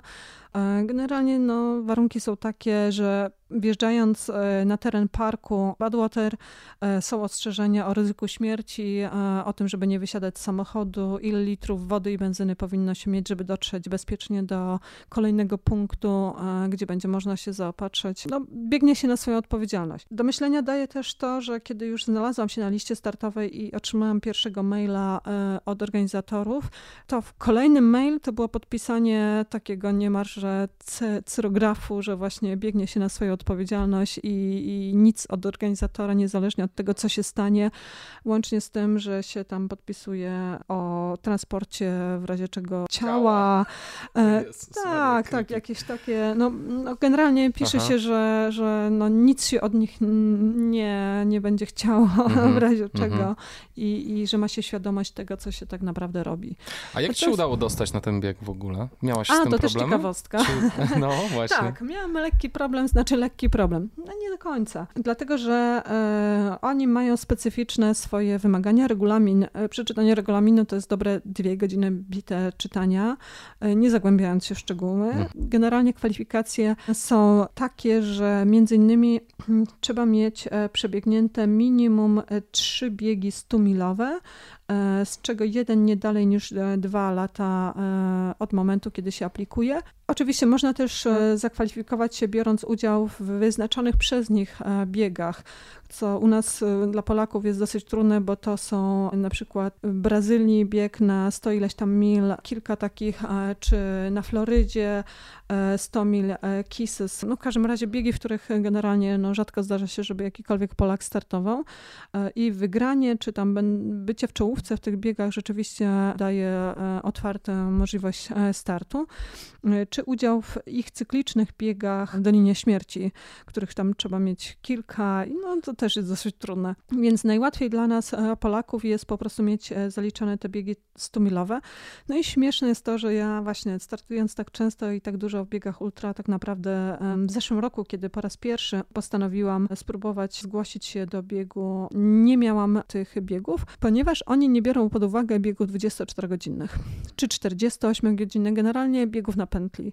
Okazało się, że e, biegów takich liniowych z punktu A do B mam tylko Spartatlon. Um, mimo wszystko napisałam, stwierdziłam, że dobra, spróbuję do nich napisać, że mam ukończone, wtedy miałam 11 biegów 24-godzinnych, rekord świata, rekord świata w biegu 48-godzinny i tak dalej. Przecież dobre wyniki na 100 kilometrach. No więc napisałam do nich dosyć e, obszernego maila, że no niestety u nas w Polsce te biegi 100-milowe są bardzo rzadkie tak naprawdę e, i, i ciężko jest zrobić e, takie kwalifikacje. W moim przypadku, kiedy często startuję właśnie w biegach 24-godzinnych, ale odpisali mi, że no są pod wielkim wrażeniem moich wyników, Niemniej jednak mają takie wymagania i Amerykanie. życzą mi w przyszłym Sukcesów. roku zakwalifikowania Tak. się. No i mm, rzeczywiście tak się złożyło, że że sezon kolejny niemalże zleciał. Okazało się, że ja nie miałam czasu wystartować, chociaż cały czas miałam to gdzieś tam z tyłu głowy i, i patrzyłam ten kalendarz, żeby znaleźć bieg 100-milowy w Polsce lub, lub za granicą. Natomiast e, jakoś nie umiałam go upchnąć e, w kalendarz i jakiś sensowny termin znaleźć. No i dlatego zrobiłam to w ciągu w ostatnim miesiącu, czyli w grudniu, biegnąc dwa biegi 100-milowe w grudniu. Pierwszy w Irlandii. 10 grudnia, a drugi w Sylwestra w Niemczech. Do 17 lutego czy do 15 lutego była możliwość e, wysłania aplikacji i wiedziałam, że jeszcze jeden bieg e, jest w Anglii w międzyczasie, więc gdyby cokolwiek poszło nie tak na którymś z tych biegów, to powiedzmy, że jeszcze miałam nikłe szanse gdzieś tam wystartować. Ale tak naprawdę to w kalendarzu e, no, takim tutaj naszym europejskim nie, nie było innych biegów 100-milowych. Szaleństwo, bo w przeciągu niecałych trzech tygodni dwa biegi 100-milowe. Tak. ale, ale się udało. One były po płaskim terenie. No nie, Irlandia to e, szlak Wickloway. Nie chcę ci skłamać, ale pff, tam było 5 tysięcy. To był jeden z najcięższych w ogóle biegów, jakich startowałam, bo były ekstremalne warunki. E, start był o godzinie 14. Mm, Akurat e, w Irlandii niezwykle wiało, powyżej 100 km na godzinę. Grudzień, wiadomo, temperatury e, paskudnie, zimno, wilgotno. Start o 14, o 16 zrobiło się ciemno. Problem dla mnie był taki, że ten szlak był nieoznaczony, to znaczy ten szlak miał takie oznaczenia stałe tylko. E, Organizator wymaga, żeby mieć kompas, e, mapę. Sam mówi na starcie, że szlak jest słabo oznaczony, e, ale nie będzie tego zmieniał i nie będzie doznaczał, dlatego żeby po prostu były porównywalne wyniki. Że ci, którzy startowali w pierwszych edycjach, nie mieli doznaczonego szlaku. No i problem taki, A że nawet... w zegarku mogłaś mieć? Tak, ja miałam trak w zegarku, ale to też nie. 14 razy zgubiłam się na trasie, nadrobiłam e, około 12 kilometrów, e, co na trasie 160-kilometrowej to naprawdę jest, e, jest czuje się. No, przede wszystkim. E, to wynikało z tego i to takie były pogubienie się, kiedy na przykład dobiegaliśmy z innymi biegaczami i widzieliśmy strzałkę, mm, staliśmy przy oznaczeniu, ale nie, nie wiedzieliśmy, którą drogę ta strzałka wskazuje. No i to było takie, że no to dobra, to biegniemy w tą drogę. I okazywało się na przykład po dwóch kilometrach, że jednak to nie ta droga. I, i po prostu te drogi były tam no, na przykład tak blisko siebie, że trak nie wskazywał jednoznacznie, która to tak naprawdę powinna być droga. Mhm. No więc było, był, był, To jest frustrujące. bardzo było frustrujące, No. naprawdę. Tym bardziej, że e, dwukrotnie wyprzedzałam liderkę i dwukrotnie dziewczyna, która e, no, miejscowa, która po prostu znała trasę i co więcej, można tam było biec e, z zającem. mm, Czyli osobą, która towarzyszy. E, No ona miała taką osobę, natomiast no, mi ciężko byłoby z Polski zabrać e, kolejną osobę. E, To wiadomo, że są koszty, a dwa, no tak czy inaczej ta osoba też by nie znała tej trasy, więc e, niewiele by mi to pomogło.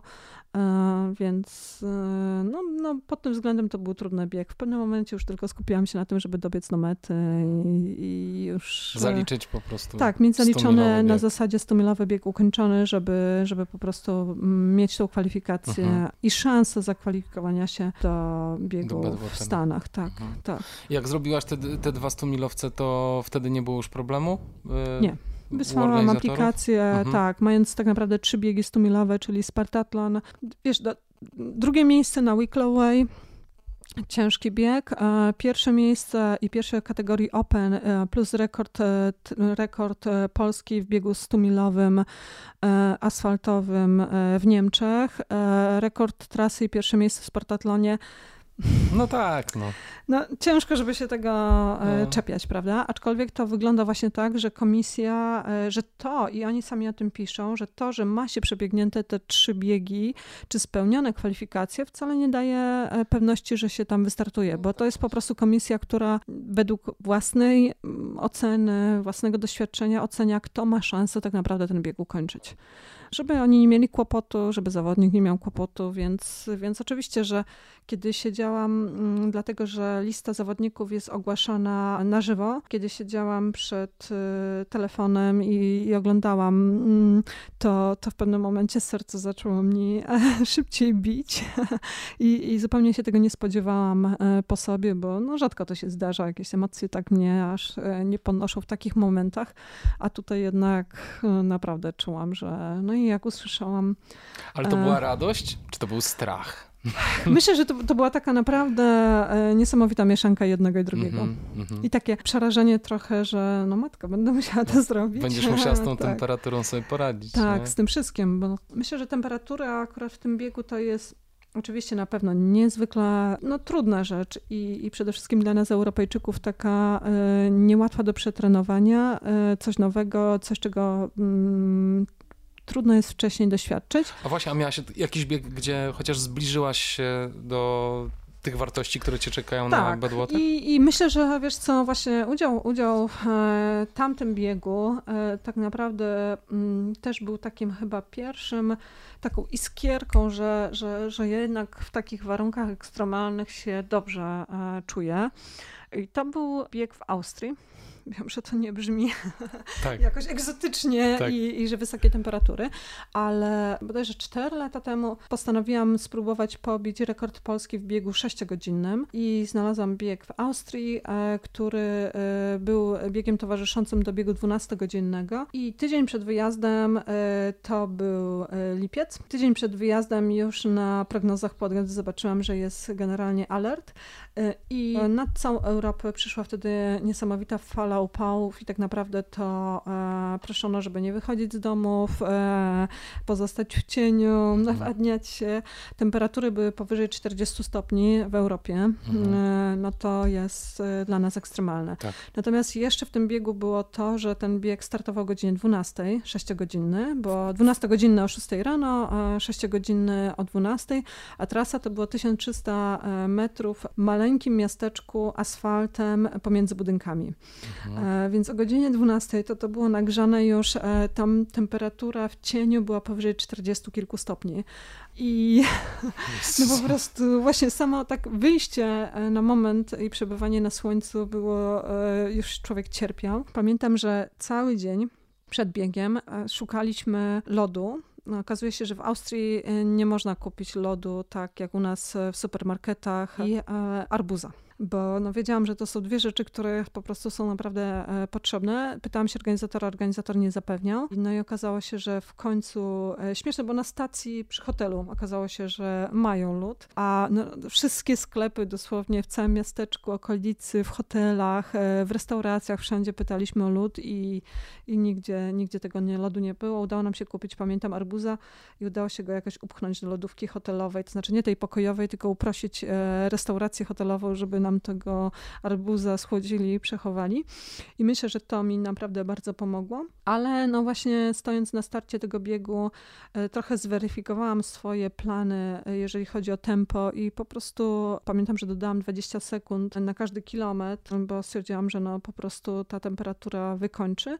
Natomiast no generalnie czołówka biegu i mężczyźni myślę, że wystartowali tak trochę e, nie biorąc tego pod uwagę i, i już po bodajże 4 godzinach wyprzedziłam e, lidera, który był już no, praktycznie maszerował i był wykończony. Natomiast ja zrealizowałam swój plan, udało się poprawić rekord e, Polski. E, pobiegłam gorzej niż w innym swoim wcześniejszym biegu sześciogodzinnym, no ale właśnie te warunki były nieporównywalne w żaden sposób. I, i no, i wiadomo, wygrałaś Open, nie było, tak, zawody, tak? wygrałam tak? Open, natomiast nie było, wiadomo, mi komfortowo, ale tak właśnie, no nie było tak źle, jakbym mogła się spodziewać. I to mi dało do myślenia, że, że widocznie mój organizm dosyć dobrze znosi takie temperatury. Fajnie, a jak zamierzasz teraz przygotowywać się do Badwater? Masz już jakiś plan na to? To już niedużo czasu zostało. No właśnie tak słucham, no jakbyś mnie zapytał w grudniu zeszłego roku, czy mam jakiś plan, to tak, miałam wtedy plan, natomiast teraz już większość tego planu jest zrealizowana, bo tak naprawdę to ten plan miałam już w głowie, kiedy, kiedy aplikowałam tak. do, to do, jak do to tego wyglądało? startu. Jak wyglądało to e, tak naprawdę to właśnie już od grudnia e, regularnie chodziłam e, na sesję do sauny. Dorzuciłam do mojego biegania e, bieganie w, na siłowni, która jest nieaklimatyzowana, temperatura temperatury tam z, mm, od 22 do 24 stopni. E, bieżnia jest bez wentylatorów, e, więc naprawdę jest tam duszno i, i gorąco. I od jakiegoś czasu, bo najpierw to po prostu były zwykłe sesje w saunie, które stopniowo wydłużałam. Natomiast e, od jakiegoś czasu zaczęłam tam, chyba już od półtora miesiąca, e, też truchtam w saunie, maszeruję, truchtam e, lub wchodzę na stopień. Wchodzę, schodzę ze stopnia takiego drewnianego. No, warunków, żeby wstawić bieżnię raczej, raczej nie mam i, i inaczej to wyglądać nie będzie. Mhm. Ale no i wykorzystuję każdą możliwą wyższą temperaturę na zewnątrz, co no, na razie niestety rzadko się zdarza, ale no mam nadzieję, że będzie coraz cieplej i, i będę miała okazję biegać e, w takich wyższych temperaturach. Plus więcej e, treningu siłowego, bo trudnością Badwater nie tylko jest temperatura, ale też to, że zawodnicy startują e, z depresji, czyli z punktu minus 86, e, jeżeli chodzi o poziom morza, ale wspinamy się na powyżej 2000 metrów, czyli to jest bieg asfaltowy, ale tak naprawdę trochę bieg górski. Mhm. Tamten teren jest bardzo zróżnicowany. A łączna suma przewyższeń jaka jest? Bo ja około nawet... 4000, okay. czy, czy powyżej 4000. Na pewno z przodu jest czwórka, a potem mhm. jeszcze coś tam, mhm. e, dlatego że no właśnie wbiegamy na powyżej 2000, ale jeszcze w międzyczasie jest naprawdę duża góra do pokonania, a poza tym prawie nie ma tam płaskiego. To jest tak naprawdę bieg e, cały czas górka dół, górka dół. Więc to się wszystko sumuje i, i po prostu ta siła w nogach. E, no, dwa, jest to do pokonania 217 kilometrów, które no, same z sobie nie są, nie są łatwe i, i siła jest e, potrzebna plus te przewyższenia, plus temperatura, więc myślę, że, że, że dorzucenie siły biegowej jest tutaj uzasadnione, więc... Czy support też się przygotowuje? Pewnie Mam nadzieję. Masz nadzieję. Raz na jakiś czas e, pytam się, pytam się i mobilizuję, staram się mobilizować i mam nadzieję, że tak. Czy też będą mieli tak jak Scott Jurek wannę z lodem dla ciebie? E, takie są plany, okay. tak, tak. Taka lodówka, e, mhm. e, która, no tak naprawdę to ona głównym zadaniem jest po prostu e, jak gdyby przechowanie tego lodu w samochodzie, tak. E, bo ona nie tylko służy do tego, żeby po prostu tam się schować, ale, ale ten lód trzeba przez te dwadzieścia kilka godzin jeszcze jakoś w samochodzie przetrzymać, co w tych temperaturach to, to wiadomo, no, on by momentalnie się rozpuścił, więc tak, lodówka będzie. Jeszcze niesamowite to jest. Będziemy wszyscy siedzieć i klikać na maksa chyba. Wyklikamy wszystkie, wszystkie ikonki na komputerze. Mam nadzieję, że będziecie pchać punkcik. Na pewno. Jeszcze z Krystianem biegniesz, będzie ci raźniej trochę. Tak, z Krystianem i jeszcze jest jeden zawodnik Damian. Mhm. E, trójka i, i też fajnie, bo okazało się wczoraj 15 mm, ogłoszono godzinę startu, dlatego że to też jest niejednoznaczne, dlatego że są trzy godziny startu i dopiero 15 maja był ten termin ogłoszenia i okazuje się, że wszyscy startujemy z ostatniej fali. Najmniej korzystnej dla zawodników tak naprawdę właśnie z, o godzinie 23, kiedy pierwsza fala startuje o godzinie 20. A czemu to jest tak podzielone? Mm, dlatego, że Dużo mimo, zawodników że nie, jest w tym to jest roku? setka. Nie, zawsze jest tyle no samo. Właśnie. To jest setka zawodników, ale to, co wspominałam wcześniej, że za każdym zawodnikiem podąża samochód. Mhm. I teraz gdyby sobie wyobraził no, wąski asfalt, okay. za którym nagle za grupą 100 zawodników rusza 100 samochodów. Tak, rozumiem. To nie jest równa walka. E, no w nie. sensie... Y, Trzy godziny różnicy. No właśnie. Po pierwsze, czyli to jest o tak. 23, e, czyli tak? trzy godziny mniej mamy biegów nocy. No właśnie. Czyli biegniemy więcej jak gdyby w upale. Plus 23 y, to jest jeszcze 3 godziny jak gdyby dłużej na nogach w ciągu całego dnia, prawda? No tak. bo jak gdyby, no wiadomo, że rano się wstanie i, i nikt tego dnia nie prześpi, e, tak. chociażby by emocje. Ale i... tutaj powiedzmy zadziała adrenalina, natomiast y, to, co mówisz, że bieganie 3 godziny krócej w, w nocy, to jest moim zdaniem bardzo duże. Duża różnica, Duża tak. Różnica. Tak. To Zgadza nie, się. Pierwsza fala 20, druga 21.30 i trzecia o 23. E, Teoretycznie to jest taka fala nazywana elitą i, i, najmocniejsza, w związku z tym jak gdyby mhm. organizatorzy przewidują, że, że jak gdyby no, ta strata mm, jak gdyby wyrównuje szanse mhm. e, lub powoduje, że no, ci, ci z ostatniej fali, czyli my nie będziemy tak bardzo poszkodowani e, w sensie tego tempa. Mhm. W sensie, że i tak wygracie ten bieg. No nie, to tak nie jest, dlatego że pamiętam, że właśnie e, Pam Reed, która wygrała po raz pierwszy jako kategorii Open, jako kobieta, tak. To między innymi zarzucono jej, że ona startowała właśnie z tej pierwszej fali, e, czyli właśnie biegła krócej w upale okay. niż Elita. I po raz pierwszy, no właśnie taki był jak gdyby komentarz, natomiast wystartowała po raz drugi z fali trzeciej elity i po raz drugi również wygrała w mhm. kategorii mhm. Open, e, więc zamknęła usta tym, którzy mówili, że, że to spowodowało, tak, że ona tak. miała większe szanse okay. na wygranie. Jakie są twoje cele na ten bieg? Rekord trasy? Wiesz co, to jest ja zawsze, kiedy staję na starcie, na starcie biegu, to przede wszystkim e, myślę sobie, żebym, że pragnę cała zdrowa dotrzeć e, na metę. To jest, to jest zawsze najważniejszy i nadrzędny cel, że pragnę czerpać z tego radość i, i po prostu świetnie się bawić, a dopiero potem myślę o, o miejscach i o wynikach. W tym biegu myślę, że, że tutaj absolutnie nie ma co przeliczać godzin i, i to jest tak wielka niewiadoma i taka podróż e, niemalże w kosmos, że, mhm. że mówienie tutaj o miejscu czy o mm, no tak, czasie to jest... E, rozumiem, ale jakąś strategię na pewno tak, dania z siebie wszystkiego. Tak, ale masz jednak ten, ten świadomość, jaka jest jak rekord trasy, jaki jest rekord trasy i tak. prawdopodobnie będziesz swoje tempo trochę pod to ustawić. Znaczy wiesz, wiesz co jest możliwe na tej trasie, tak? No bo no wiesz, tak. jak jest rekord.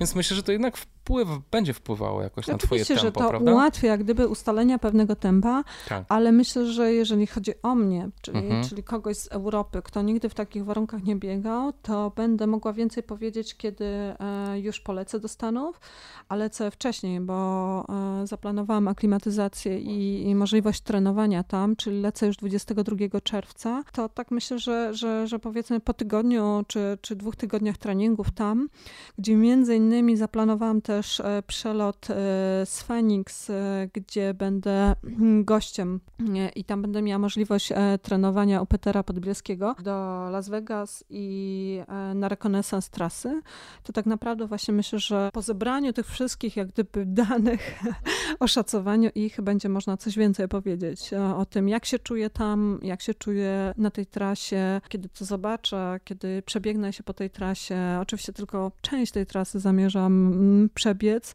a raczej różne jej jakieś krótkie odcinki, żeby mieć w głowie jeszcze, jak zostanie mi te dwa tygodnie treningu, to mieć w głowie tak trochę, co mnie czeka i, i zanim wystartuję, to żeby mieć jakiś tam obraz tego wszystkiego. Tak myślę, że dopiero wtedy będę mogła tak e, troszeczkę bardziej precyzyjnie ocenić swoje szanse na ukończenie, na osiągnięcie jakiegoś wyniku, jakiegoś czasu. Mam pytanie jeszcze, hmm, jakbyś mogła w dwóch słowach opowiedzieć, e, czy biegasz tylko dla siebie? Czy też masz jakąś większą misję, cel inspirowania ludzi tym, co robisz?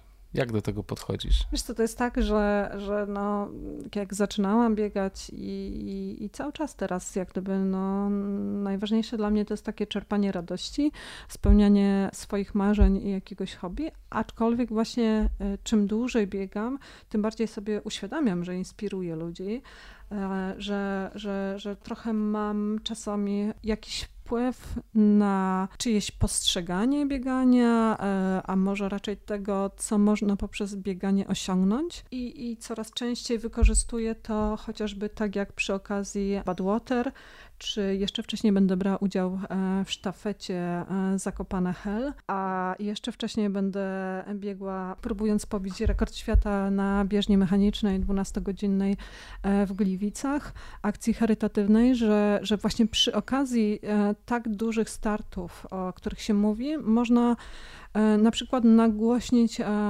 problem depresji, e, z którą gdzieś, gdzieś moje życie gdzieś się tam przecięło, nie, nie dotyczyło to konkretnie mnie i mojego stanu psychicznego, co mojej mamy i, i po prostu, że, że można to wykorzystać w taki mhm. sposób, żeby po prostu ludziom powiedzieć, że chociażby samo bieganie może być w jakiś sposób mm, lekiem na właśnie te gorsze stany samopoczucia, a ponoć lekarze mówią, że przy lekkich stanach depresji chociażby ruch, e, bieganie jest niemal e, równie skuteczne jak leki farmaceutyczne. Mm -hmm. Więc, więc po prostu trzeba o tym mówić. Trzeba zachęcać ludzi do tego, żeby się badali, żeby nie wstydzili się mówić o swoich problemach, korzystali z pomocy lekarzy, przyjaciół, właśnie organizowali się w jakieś grupy, które, które po prostu pomogą im z tego stanu wyjść mhm. albo chociażby go uświadomić.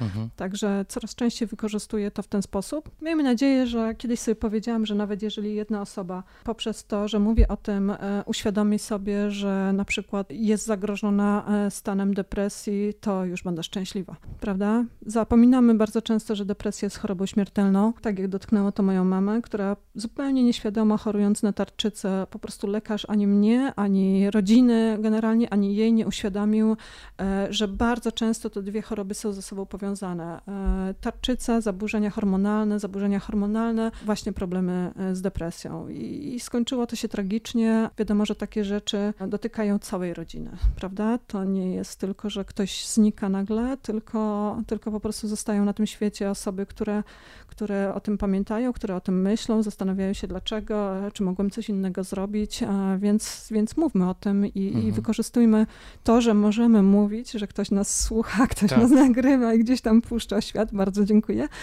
e, żeby, żeby po prostu ludziom o tym uświadamiać. Życie nie jest fair, ale dobrze, że są takie osoby jak ty, które właśnie pomagają ludziom w, w przezwyciężaniu swoich słabości. To jest fajne, no. No to jest fajne, że realizując swoje marzenia, prawda, swoją pasję, gdzieś tam, gdzieś tam może będę komuś mogła pomóc. Bo jeszcze nie czuję się, że pomagam, ale mam nadzieję, że będę mogła. Myślę, że pomagasz, bo masz, wiesz, e, bardzo szerokie grono fanów. Wydaje mi się, że bardzo też inspirujesz e, do ruchu, do biegania. To w ogóle bez dwóch zdań. Nie wiem, nie, myślę, nie masz że... takiego poczucia? Znaczy, ja sama nie, ale, ale czasami właśnie ktoś w rozmowie mnie uświadamia, że, że właśnie, że, że można pokazać, że, że można zacząć na przykład przygodę ze sportem w wieku 33 lat i, i osiągnąć coś fajnego, e, że, że można nie mieć jakichś super warunków fizycznych, ale można mieć na tyle mocną głowę i jak gdyby na przykład też trenować e, swoją psychikę, żeby właśnie osiągać rzeczy, które z pozoru wydają się niemożliwe. E, że można zarażać innych ludzi, e, że można nie wiem, być w tym sporcie, powiedzmy, że na miarę wysokim poziomie, ale nie stresować się tym, nie myśleć tylko i wyłącznie o wynikach, prawda, o kolejnym medalu, o kolejnym jakimś tam czasie, tylko czerpać z tego radość i, i takie, jakby czerpać z tego to, co jest najlepsze. A powiedz jeszcze, czy ty uważasz, że twoje sukcesy są wynikiem twojej ciężkiej pracy i właśnie silnej głowy, czy bardziej predyspozycji do biegania, które masz?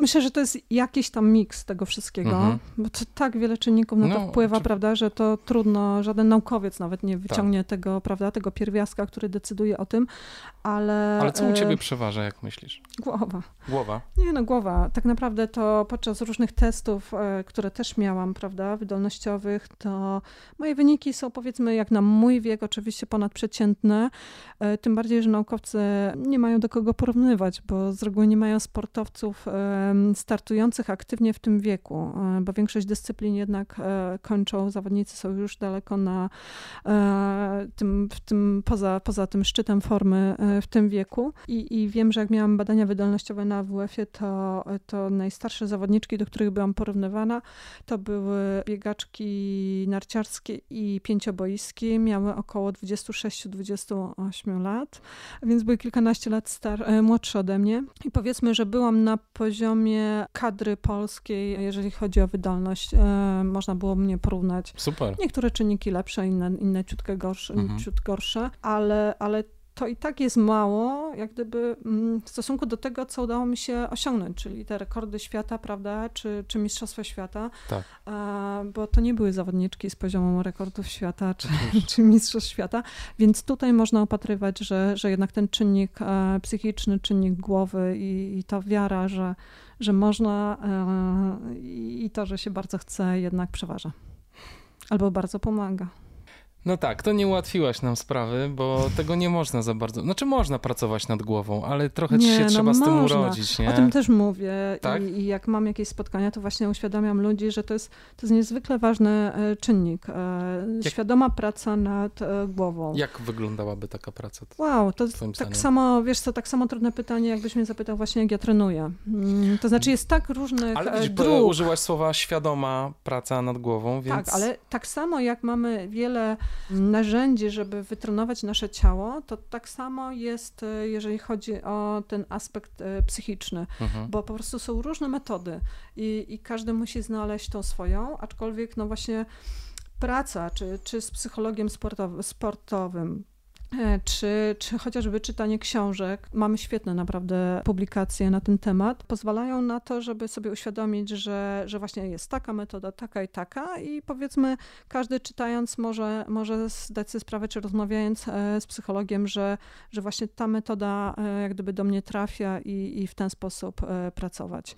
Także to jest, to są wizualizacje, prawda, to są E, znalezienie swojej mantry, która będzie powodowała, że, że po prostu damy z siebie więcej, znalezienie jakiegoś takiego konkretnego celu, którego się będziemy trzymać i, i podążać jakąś konkretną drogą e, i, i właśnie przede wszystkim zaplanowanie, zaplanowanie treningu, zaplanowanie startu e, powoduje, że my mamy już większą pewność e, siebie i większą szansę na to, że po prostu to, co planujemy, zrealizujemy. Świadomość tego, że dany cykl treningowy i wiara w to, że dany cykl treningowy jest rzeczywiście do mnie dopasowany i skuteczny, powoduje, że już e, osiągamy więcej. Trenowanie w grupie, która będzie nas wspierała, otaczanie się ludźmi, którzy właśnie chociażby takim serwisem, jak ja mam, który naprawdę jedzie na zawody i za każdym razem te dziewczyny są pewne, że ja dam z siebie wszystko i że jedziemy tam po zwycięstwo. No to już to mi powoduje, że, że jestem. Ale takie szczegóły, że nawet e, sobie kiedyś przeczytałam pracę na temat tego, że nawet kolor ubioru powoduje, że osiągamy lepsze wyniki. Czerwony. Tak? Czerwony jest ten, w którym zawodnicy rzeczywiście czują się pewniej, mhm. czy nawet to, że e, wyglądamy dobrze na starcie.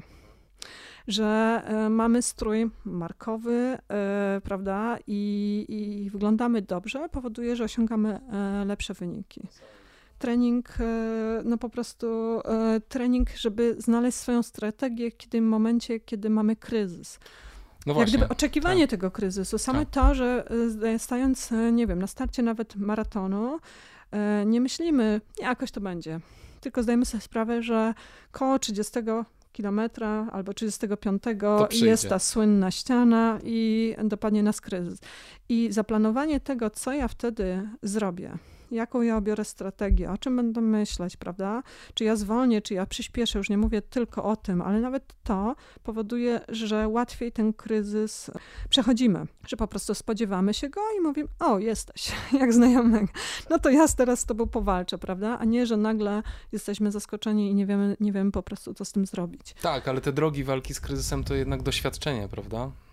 Ale też szukanie, no bo gdzieś ten pierwszy raz zawsze jest i, i jeżeli do niego się przygotujemy, no to będzie nam łatwiej. Okay ale doświadczenie to też to, że po każdym starcie, po każdym większym starcie robię notatki e, i, i po prostu rozpisuję sobie, co się sprawdziło, co się nie sprawdziło, jak się czułam podczas tego startu i gdzieś tam podczas e, kolejnych ważnych startów przeglądanie tych notatek też mi pomaga mm, to wszystko zaplanować i, i nic nie pozostawić swojemu biegowi tak. O. Dziękuję Ci bardzo za rozmowę, Patrycja. Teraz lecisz na Roztocze jutro, tak? Tak. Ultra Roztocze? tak, kolejne moje marzenie biegowe, trochę szalone, dlatego że tydzień temu startowałam i, i za dwa tygodnie kolejny mocny start, mhm. ale to jest miejsce, które zawsze chciałam dokładniej obiegać. Okay. po prostu wziąć udział, udział w tym e, ultramaratonie. E, studiowałam w Lublinie i, i wstyd się przyznać, że tylko raz e, byłam w Zwierzyńcu, czyli na Roztoczu i to niespecjalnie go zwiedzałam, a byłam w instytucie związanym z konikami mhm. polskimi, czyli niestety rozglądałam się bardziej za ogonami niż za drogami do biegania. Czy to jest twój start treningowy, czy chcesz tam dać czadu? bardzo, bardzo treningowy. Bardzo treningowy. Bardzo treningowy. Głównie myślę, że właśnie chcę, chcę po prostu pobyć na roztoczu, mhm. i, i, a najfajniej dla mnie jest pobyć biegowo, więc dlaczego nie? A za dwa tygodnie co biegniesz? Jaki duży start? Rykowisko. Kolejny, kolejny fajny start, e, blisko 108 kilometrów i, i tu mam nadzieję, że, że, że może uda się troszeczkę mocniej, więc mhm. to będzie ostatni długi start e, przed Badwater. Mhm. No i miejmy nadzieję, że, że wszystko pójdzie według, według mojej myśli. My również mamy taką nadzieję. Ja mam taką nadzieję. Bardzo miło było Ciebie spotkać i. I naprawdę y, daj czadu na tym padłoter. No będę się starać. Ja Dla będę, nas to będą będę, ogromne emocje tutaj. Będę, będę biec y, na maksimum swoich możliwości. Wszyscy, wszyscy tak naprawdę tam będziemy się starać. No przede wszystkim, jak mam okazję, to, to muszę podziękować wszystkim za ogromne wsparcie. Wiem, że właśnie dostanę go podczas startu, ale, ale i to, co działo się przed startem, bo nie wspomnieliśmy tutaj o zrzutce.pl. No właśnie, e, Właśnie, tak. To niesamowite. Gdzie, gdzie tak. Bo zebrałaś tam, Długo, długo się biłam z myślami, e, czy to uruchomić. Mhm. E, I powiem tak, że Niezależnie od tego, jaką sumę bym zebrała, e, czy, czy udało się tą sumę zebrać, to, to niezwykle budujące było to, że nie poprzez pieniądze, ale poprzez to, jaki to miało oddźwięk i poprzez wsparcie osób i komentarze, e, mhm. które za tym szły, poczułam się pewniej. Poczułam mhm. się pewniej i, i, i dużo, dużo dało mi to. E, za, za każdą najmniejszy grosik mhm. dziękuję, ale przede wszystkim dziękuję właśnie za to poczucie wsparcia i poczucie, że robię coś coś, coś takiego jak gdyby nie tylko swojego, ale właśnie całego tego środowiska biegowego, że to mhm. E, zresztą tak samo zbiórka e, Krystiana, prawda? Tak. Bo dokładnie w ten sam sposób zbieraliśmy pieniądze tak. i, i podobnie.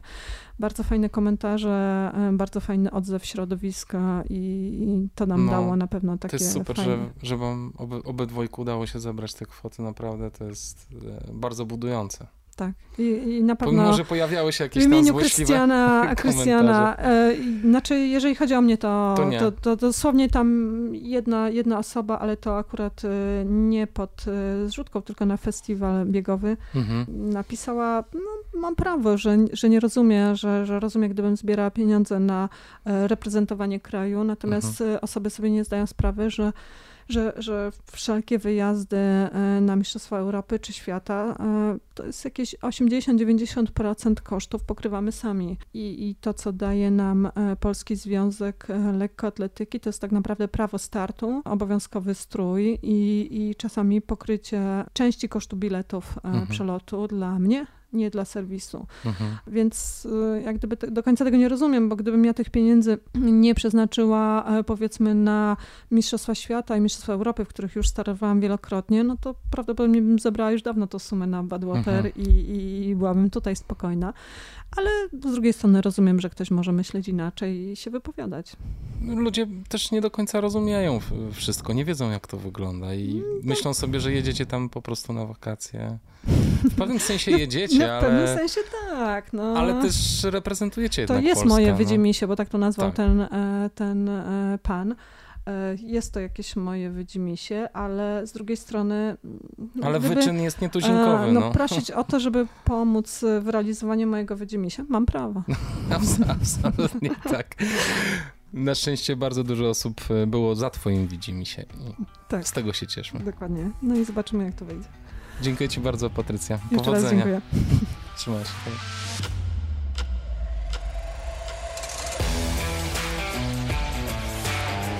Patrycja jest uroczą, a przy tym niezwykle silną i zdeterminowaną osobą. Ogromnie mnie inspiruje. To była duża przyjemność poznać ją i porozmawiać i cieszę się, że mogę podzielić się tym spotkaniem z Wami. Ciągle nie mogę uwierzyć, że Patrycja trenowała 5 lat spokojne bieganie, zanim wzięła się za poważne ultra. Totalny szacunek dla niej za świadomość treningu i wytrwałość. Miesiąc temu podjąłem próbę pokonania swojego pierwszego 100-milowego biegu. Padło na Japonię i UTMF. Bieg wokół Fuji. Bieg niestety został przerwany, gdy byłem na 140 km ze względu na opady śniegu i oblodzenie. Oprócz śniegu lał cały czas deszcz, a biegacze zajmowali się głównie tym, jak nie skręcić sobie karku na błotnistych zbiegach. Szczerze, to nie polecam tego biegu, ale wizytę w Japonii jak najbardziej. Obszerną relację zamieściłem na profilu podcastu na Facebooku. Zapraszam. Dziękuję serdecznie za odsłuchanie kolejnego odcinka mojego podcastu. Jeżeli podoba Wam się to, co robię i chcecie wesprzeć ten projekt, to lajkujcie, śledźcie i udostępniajcie w relacjach na Facebooku i Instagramie. To wszystko pomoże mi docierać do jeszcze większego grona osób. Jeśli chcecie się zaangażować w powstawanie tego podcastu, to zapraszam do grupy Black Hat Ultra Fans Group na Facebooku. Do usłyszenia wkrótce. Dzięki i buźka!